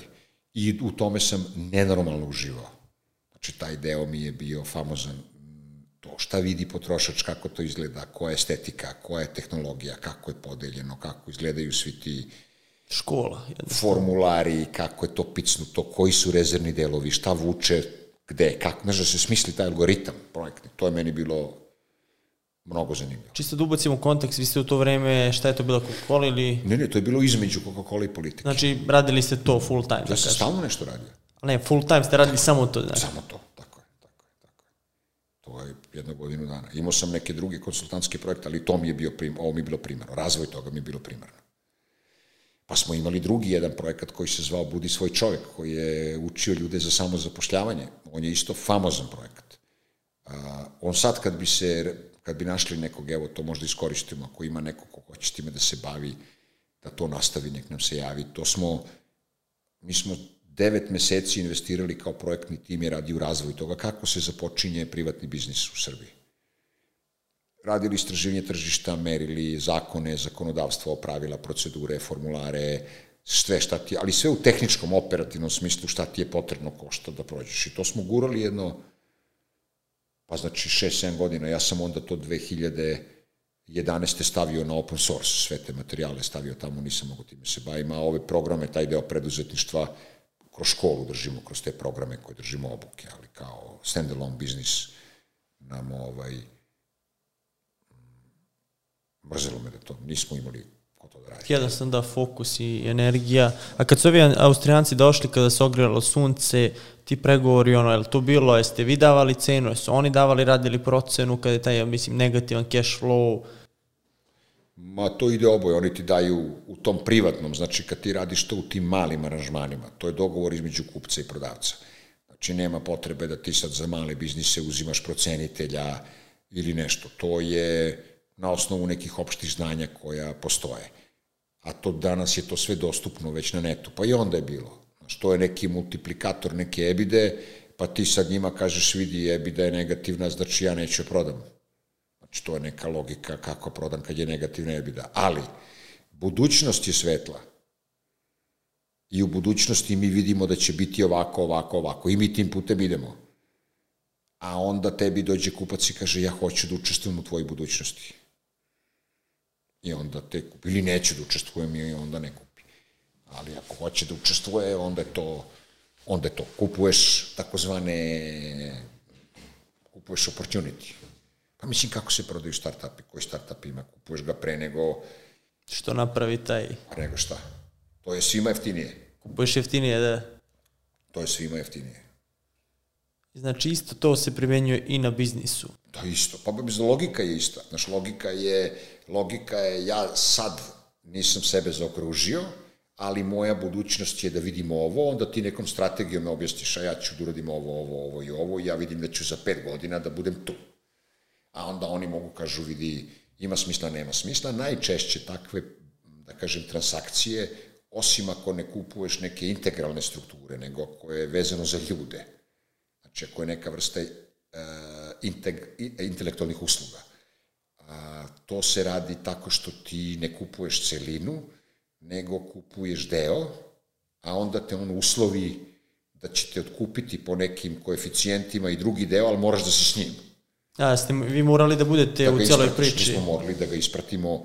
Ja sam morao da, da bi ja mogao da, da prodam svoj ostatak udela, morao sam da ga ispratim pet godina. Pet godina, jeste radili tu pet ne, godina? Ne, ne, ne, ali sam morao da budem, morao sam da budem unutra i bilo je, procena je bila da je ono, ako se stvari sretnu za pet godina, da su uslovi ti ti, onda se isplaćuje cena taj ta. Je to ono West in Peace što, što kažu? Pa, jeste. Jeste, to je super iskustvo. Imam utisak da smo od toga mogli da radimo više, e, da smo mogli da napravimo recimo više takvih projekata. Da se izgradi da se prodaje kasnije. Da, i da to postoji potencijal i dan danas, samo što ja nemam za to sad interesovanja, mator sam ne znam, mislim, to je fizički zamorno. Ali s druge strane dajete ono mladima ljudima koji su na u školi dajete im te resurse da oni to mogu sami da, da odrade. Tačno, to mi smo, ono, ja sve više sebe vidim kao broja jedan iz Alan Forda. znači, tu smo, oni su okolo, dolaze sami, a mi da, ne, znači, da ne tabanam ja. Znači... I sad, da, da, evo, 2019. godina, znate ko dolazi u školu, kakva je situacija na, na tržištu, 12 godina kasnije, koliko se promenio biznis u Srbiji, ti ljudi koji dolaze kod vas, kakva je situacija? Super se promenio. A, mnogo je više mladih, a, mnogo je više mladih, mnogo je više preduzetnika, a, interes, zainteresovaniji i moderniji svet. A, bliži je zapadu nego što je bio pre 12 godina. Kad kažem bliži zapadu, ne mislim da to nešto posebno kao sad hvalim, kao važno je što je zapad, nešto je referentno. Ne, kompatibilniji sa nekim standardima koji važe u drugim zemljama. A to jeste važno. Jer e, važno je da recimo čovek koji je, na primjer, ima knjigovodstvenu agenciju ovde, da je iskustveno i zanatski kompatibilan sa nekim koji ima knjigovodstvenu agenciju u Salzburgu ili u, nema pojma gde, u Varšavi. A, jer to čini nas, a, to nas čini a, rezilijentnim, znači ne čini nas inferiornim. A ono što je druga jako važna stvar koja se vidi, to je a, postoji ozbiljna posvećenost te generacije ljudi ili tih mlađih generacija da nešto učine bolje za ovu zajednicu koju živi, žive. Znači ima neki patriotski kontekst, ima nešto što je otprilike ti kad kažeš da li oni rade za strance, rade za domaći, za da kad im ti kažeš vidi od vas zavisi da li će naša sredina bude bolja i nas nema mnogo, nas ima recimo 300.000 koji u stvari od, koji, od kojih sve zavisi u Srbiji, od predsednika Republike do šefa policijske stanice i nemam pojma nekog u nekom javnom komunalnom preduzeću u malom gradu. To je, od toga zavisi kvalitet života, od te uprave zavisi i preduzetnika i jednih i drugih i trećih. To je vrlo zanimljiva posvećenost a, ljudi. Ja svaki put se prijatno iznenadim. Koji su biznisi sad najaktualniji ovih zadnjih par godina? Jel možete tu neki obrazac da uhvatite? Hm, pa za sad mi je dosta je diversifikovano. Naš, ima recimo intelektualnih, ovi koji su usluge, pametna, kako se to zove, recimo pametna rešenja neka za građevinu ili arhitekturu ili dizajn, ima toga. Ima advokata, ima ljudi koji se bave proizvodnjom, distribucijom nameštaja, ima konfekcije. Šareno, vrlo je šareno. Fitness, fitnessi, wellnessi, a, ovi neki moderni proizvodi u prehrani. Pa nešto, mi smo sad zbog tog interesovanja napravili faktički nekih šest specializovanih grupa. Tako da ljudi koji su iz nekih klastera preduzetničkih mogu da ih skupimo da su da rade fokusirano u grupama. Tako da imamo za male porodične biznise da su mogu budu najraznorodniji biznisi gde koje razviju ili naslednici ili bračni parovi i tako dalje. Imamo a, kreativne industrije, to su svi ovi dizajneri, digitalci, ovi, pa ti bi na neki način možda spadao u ovom što radiš u tu. A, imamo poljoprivredu, food and agro, što je isključivo fokusirano na te finalne proizvode. Ovo bi možda bilo, spadalo u to, taj širem smislu food and agro. A, imamo prodaju, imamo sport, a, znači za one koji su vlasnici fitnessa, zdravog, bave se zdravim životom, mogu da se bave nekim nutricionizmom i nešto, da se, to su sve potrebne stvari koje ti možda zaokružiš da oni mogu da budu poslovno upotrebljivi. Sad kad bi mi prodavali to na neki način da sad kažemo evo super, danas imaš nemam pojma, fitness centar koji se baviš sa nekim sportom ili personalnim treningom ili imaš aplikaciju i zarađuješ 50.000 godišnje ili 5 miliona dinara, imaš agenciju i recimo u tom si limitu, a ako budeš učio, dobro se razvio i budeš se trudio, ako budeš rasto po samo stopi 10%, ti ćeš za narednih 10 ili 15 godina budeš tri puta veći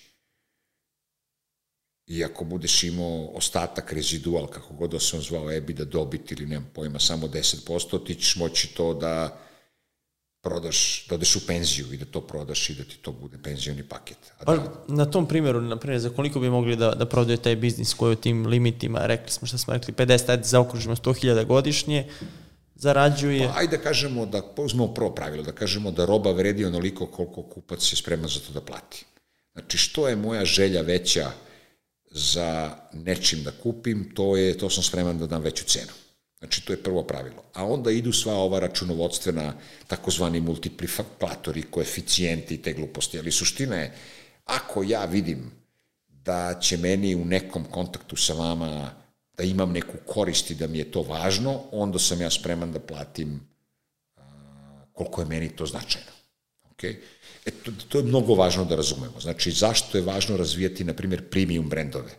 Znači, zašto je važno razvijati neke tako seksi usluge, robe, nešto da to izgleda fantastično, zato što ti time razvijaš uh, ljubav prema potražnji. Ne samo da neko to koristi, nego i da će to sutra neko da kupi. Uh, I ako to razumemo, onda se vratimo na ove proseke, pa onda mi kažemo da je za nečimo najčešća multiplikator, kako se računa, multiplikator ebide, takozvane sad, da ne zamaramo ljude koji to ne znaju, ali recimo kažemo dobiti. Ili da kažemo da ako biznis je u razvoju pa nema dobit, onda bi mogao bude neki multiplikator koliki mi je godišnji prihod, pa puta nešto. Na primjer, imam prihod 100, pa onda može da bude multiplikator puta 0,8 ili puta 1,2, pa dobiješ neku vrednost biznisa. Znači, a on zavisi od e, branše? On bi mogao da zavisi od branše. Vidi, svako to pokušava da argumentuje i postoje neki standardi i onda obično pokušavaju da argumentuju a, Znaš kako, biznis se kupuje, kako beše, biznis se kupuje od udovice, a, a ne kupuje se od onog koga je pravio. Kuću ne kupuješ od onog ko je zidao. A, vrednost koja meni koji pravim svoj biznis je neuporedivo veća nego nekome ko bi to hteo da kupi. I za mene ti brojevi vrede ili ima afekciona vrednost i tako dalje. A onda mi ubacujemo u igru koeficijent to kao obe imali kao nešto, kao koliko možda vredi. Ali koristi se recimo promet i on se vrti oko to, jedan godišnji promet. Obično se to radi ako je manja ebide ili nema ebide ili ako nema dobiti. A onda se koristi neki multiplikator a, u suštini dobiti a, koji bi mogao bude puta 3, puta 5, puta 10, puta 12, sve zavisi sad koja je industrija. Ima ludačkih a, industrija da recimo u IT-u može da raste do 10, 15, 20 puta, pa sad onda ima niši na niša. Amerikanci imaju te precizne statistike zato što oni imaju veliki broj transakcija i, i sve je transparentno. A, ali potprilike bi bilo to, da lako, da lako, što bi rekao da čovjek računa ovako ručno, ja bih rekao uzmi dobit pomnoži puta pet, pa to ti je neka elementarna. Dobit godišnja dobit tako, ili... Tako je. To je znači neka formulica koju bi mogla da pa, se neka, standardizuje. Pa tako to. je, ubio bi me sad neko ko se bavi profesionalno i ko prodaje te usluge e, procene kapitala, tu je sad neviđena filozofija. Neka. Javit će se oni u komentaru. da, da, da, kao vidi, bit će ovaj, ono, nema pojma, sram ga bilo i to, ali suština je da je tu, vidi, roba, roba vredi onoliko pošto je neko spreman da plati. To je zlato pravilo. Ma, vidi, da. Znači, to šta su nama pričali, za, ba, mislim, ja sam se naslušao toga i od multinacionalke, mi smo dosta radili u tim akvizicijama i ovo. Znači, ja ubacujem igru multiplikatora ebide samo kao nešto oko čega bi mi u stvari mogli se gombamo, a onda ja tebi pregovaram pa ti kažem, a ovo ne može zbog toga, a ti meni kažeš, ali ovo mi je mnogo važno zbog ovog, pa se natežemo. Ali ja bih rekao, dovoljan je indikator onaj najskromniji, najbazičniji, imate mali privatan biznis, imate neku dobit, pomnožite tu dobit sa 5, to može da vam bude neka vredna, da ne komplikujem sad dalje, onda ide minus dugovi plus kapital, nešto tu sad svašta možda bude dodatak, ali to ti je baza. Kod škola, kad ste krenuli sa školom, fokusirali ste se u startu na korpo ljude. Kasnije ste ubacili onaj deo sa preduzetništvom. Sami se javili. Sami su se javili. Sami Nije bilo ono ja, kao ja sam podvojena ličnost da kažem i korpo i preduzetništvo, pa hoću da zadovoljim i tu stranu, Nije bilo toga, nego su se javili ja sami. Ja mislim da su oni počeli, da, oni su počeli sami da dolaze, onda smo mi prepoznali to, to je doživelo neku vrstu akceleracije kad je počeo COVID. A, tad si vidio da je korpo zamro, a ovi uličari, e, preduzetnici su svi skočili da uče, da se bore za borba za opstanak. I, i od tad je ozbiljan ozbiljan, ozbiljno ubrzanje, što je super. Znači uličari su prevladali? Pa da, uličari sa najvećom dozom simpatije i sebe ubrajam u tu vrstu, u tu dozu da je, znači survivori, razumeš, borba za opstanak. Oni koji grizu. Ma, vidi, survival, pa to je cela ideja. Tu je svako ko je dovoljno izdržljiv može bude dobar preduzetnik.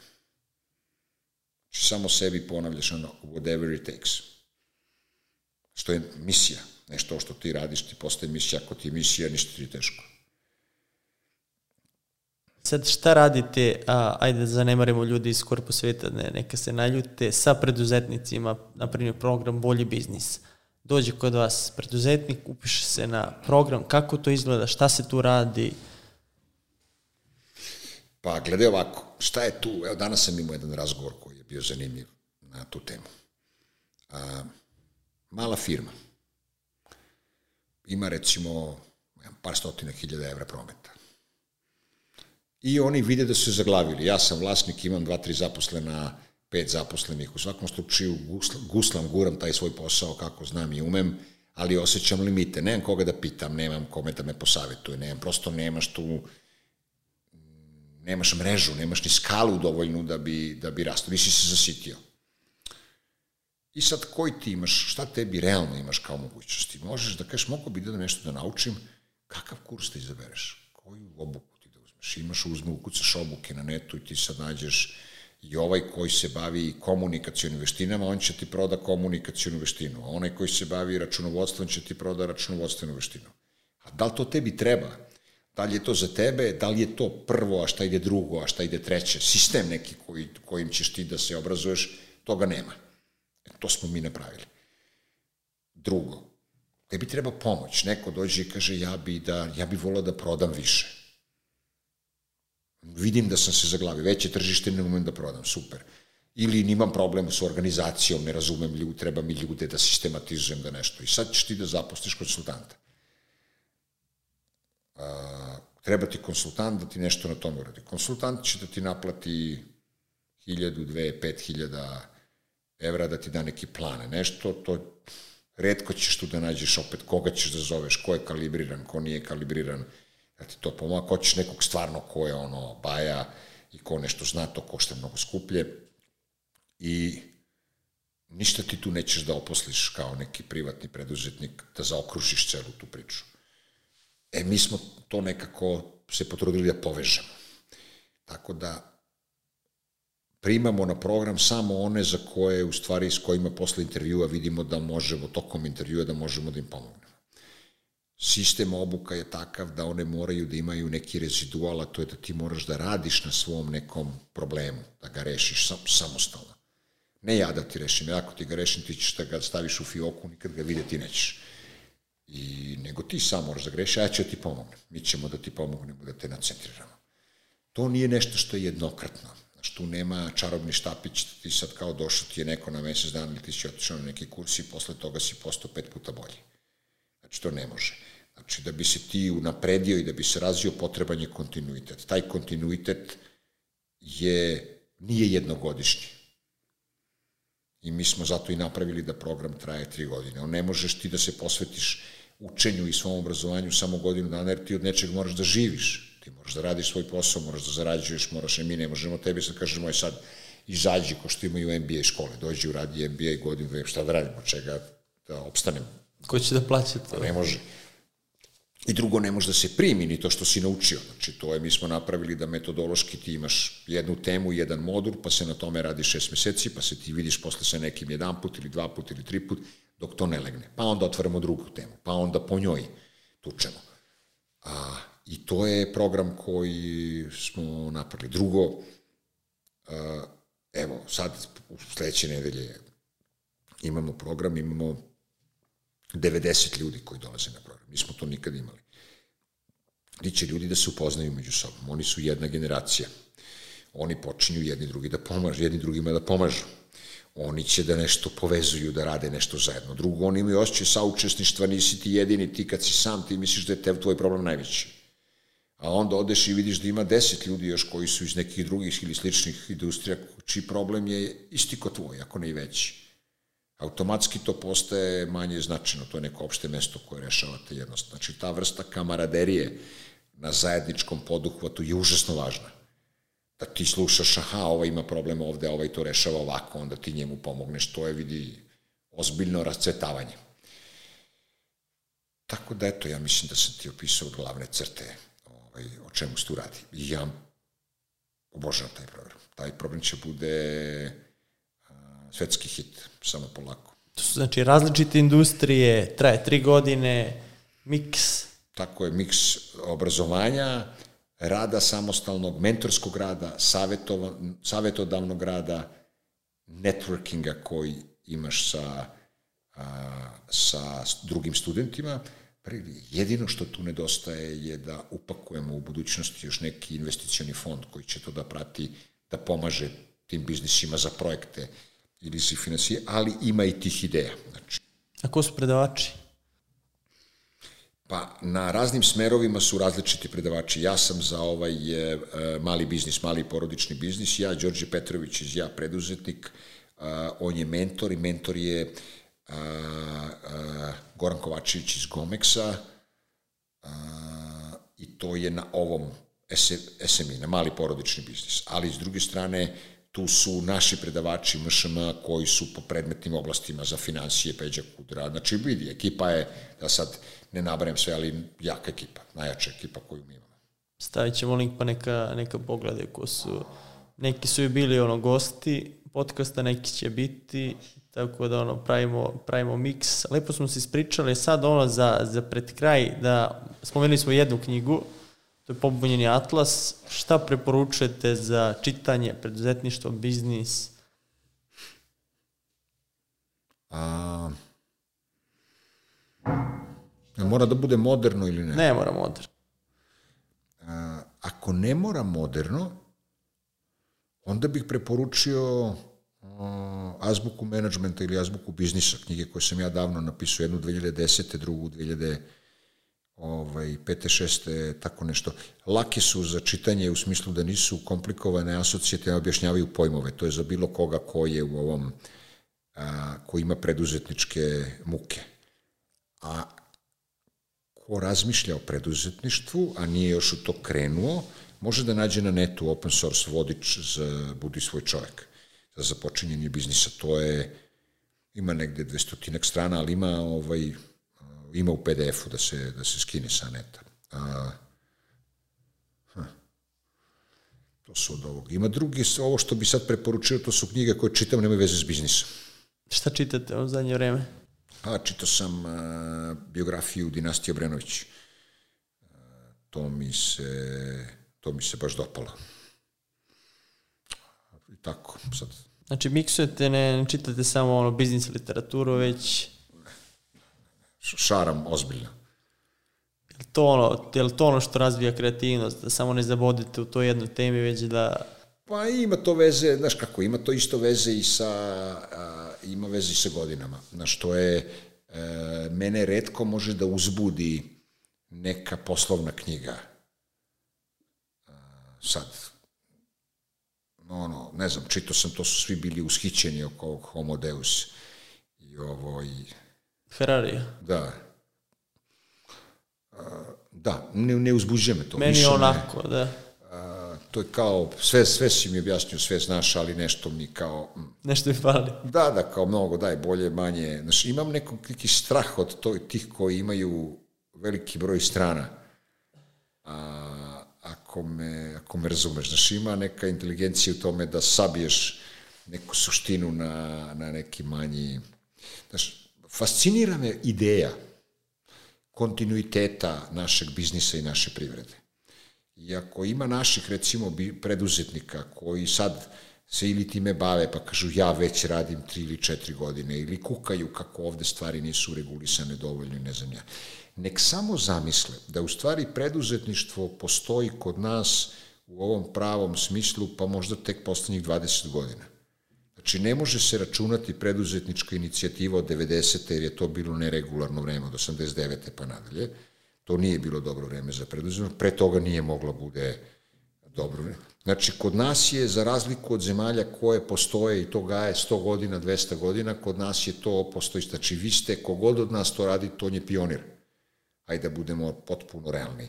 I taj, i to će se multiplikovati u budućnosti. Tako da je, recimo, koji se odvažio da uđe u te vode privatnog, samostalnog, preduzetničkog biznisa, on treba pravi svoju biografiju priča i da mi gledamo za 10 godina da ovde sede neki kod tebe, neki mlađi ljudi s nekim novim idejama i nekim novim iskustvima. Ali story doing je keva. Lako ti je, kad si nešto uradio, kad si nešto pa uradio dobro ili uradio loše ili si nešto dao se, ali to da imaš da ispričaš priču, svoje lično iskustvo, to je bre, to ne može... A da nije onaj šablon za LinkedIn. Pa zamisli se ovo kad uzme ono, kad ti neko kaže, znaš ono kad počne, ono kao, pričao mi jedan, jednom mom drugu. Znaš, jedan počne, što je gledao. Jednom mom drugu, jedan moj drug baš mi je pričao. Ne bre, ja sam, ta, ja sam radio, meni se desilo, moje iskustvo, što je Neprocenjivo. Ma ja mislim da je to to je iz moje perspektive, iz mog senzibiliteta, ja kogod to može, greota bi bilo da ne radi. A drugo, to je bre društveno vrednije. To je društveno. Ljudi koji su spremni da preuzmu odgovornost za sebe i za neke druge, a da ne budu, da neko drugi za njih bude odgovoran, ti su ljudi e, važniji. Znači, da ne bude glupo, ali sam pričao s nekim nedavno o tome, Znaš, nekad je bio cenzus, nije bila demokratija jedan čovjek, jedan glas. Ne znam da li to znaš. Poznato mi, ali... Kako su ljudi birani i kako su ljudi glasali. Po raznim kriterijumima, ali recimo jedan od kriterijuma je bilo koliko ti kuća ima dimnjaka. Koliko imaš ognjišta. Koliko poreza plaćaš. Pa imaš ponder. Plaćaš, znači finansiraš državu, imaš, uh, znači u suštini koliko doprinosiš. Sa ti čim si poslodavac danas, čim ti ne zavisiš ni od koga, nego ti plaćaš državi, pomažeš državi, to je, vidi, to mora da postoji, to je važno, to je veća odgovornost. Nisi još jedna gladna usta koje treba nahraniti. Ma, ne samo to, nego ti smanjuješ i druge grla, pomažeš i drugima da ne budu gladni. Drugo, ti činiš i neko dobro, neko proizvodiš nešto što nekom treba. A nama sve treba.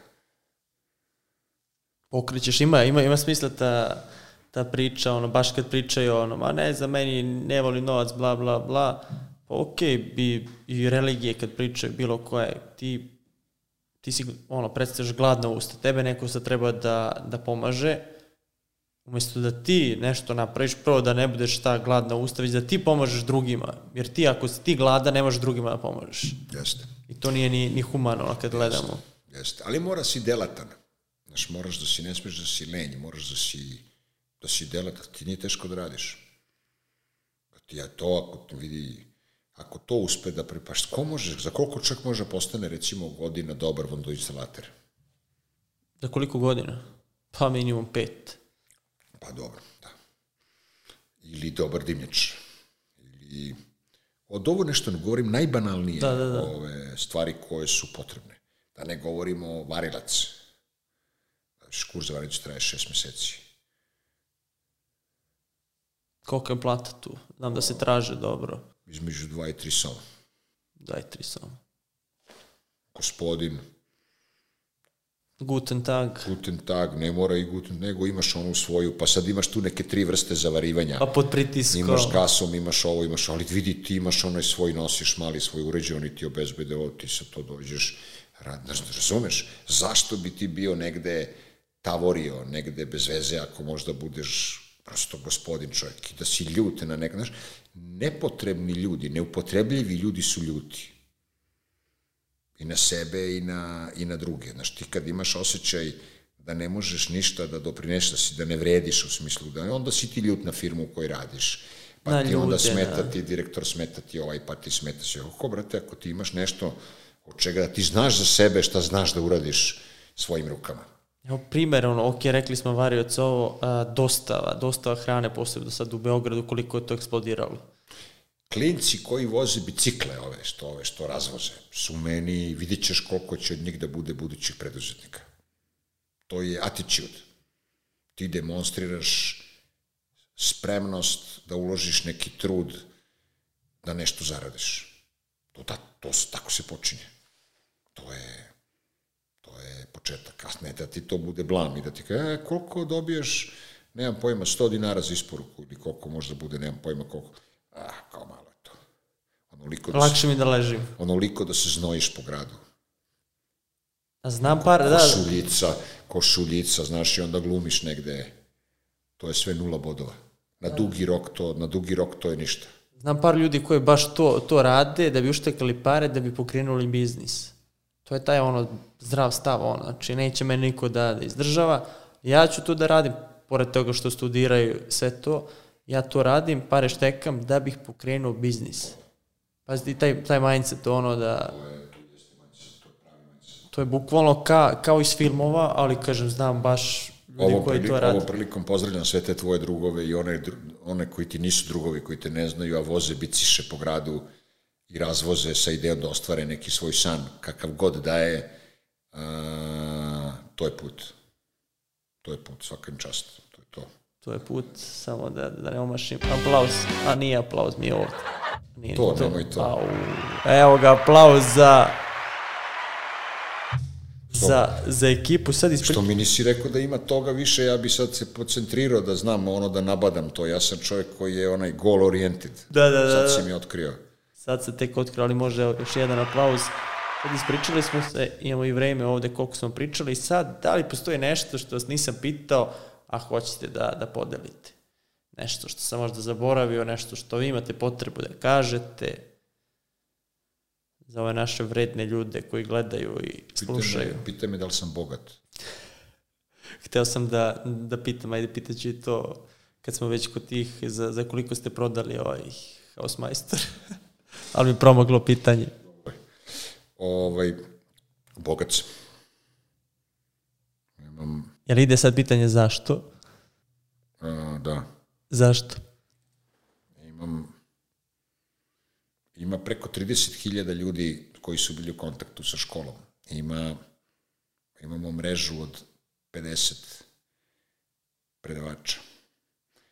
Imamo fenomenalni u ekipu nas 10 zaposlenih, gde sam ja najstariji. Imamo osnivača koji, kojih ima bit će ih do 20-30% ćemo sad to ide, to se sad menja polako, imamo, uvodimo još novih. Biće tu zanimljivih iznenađenja, ali već imamo dobru osnivačku ekipu.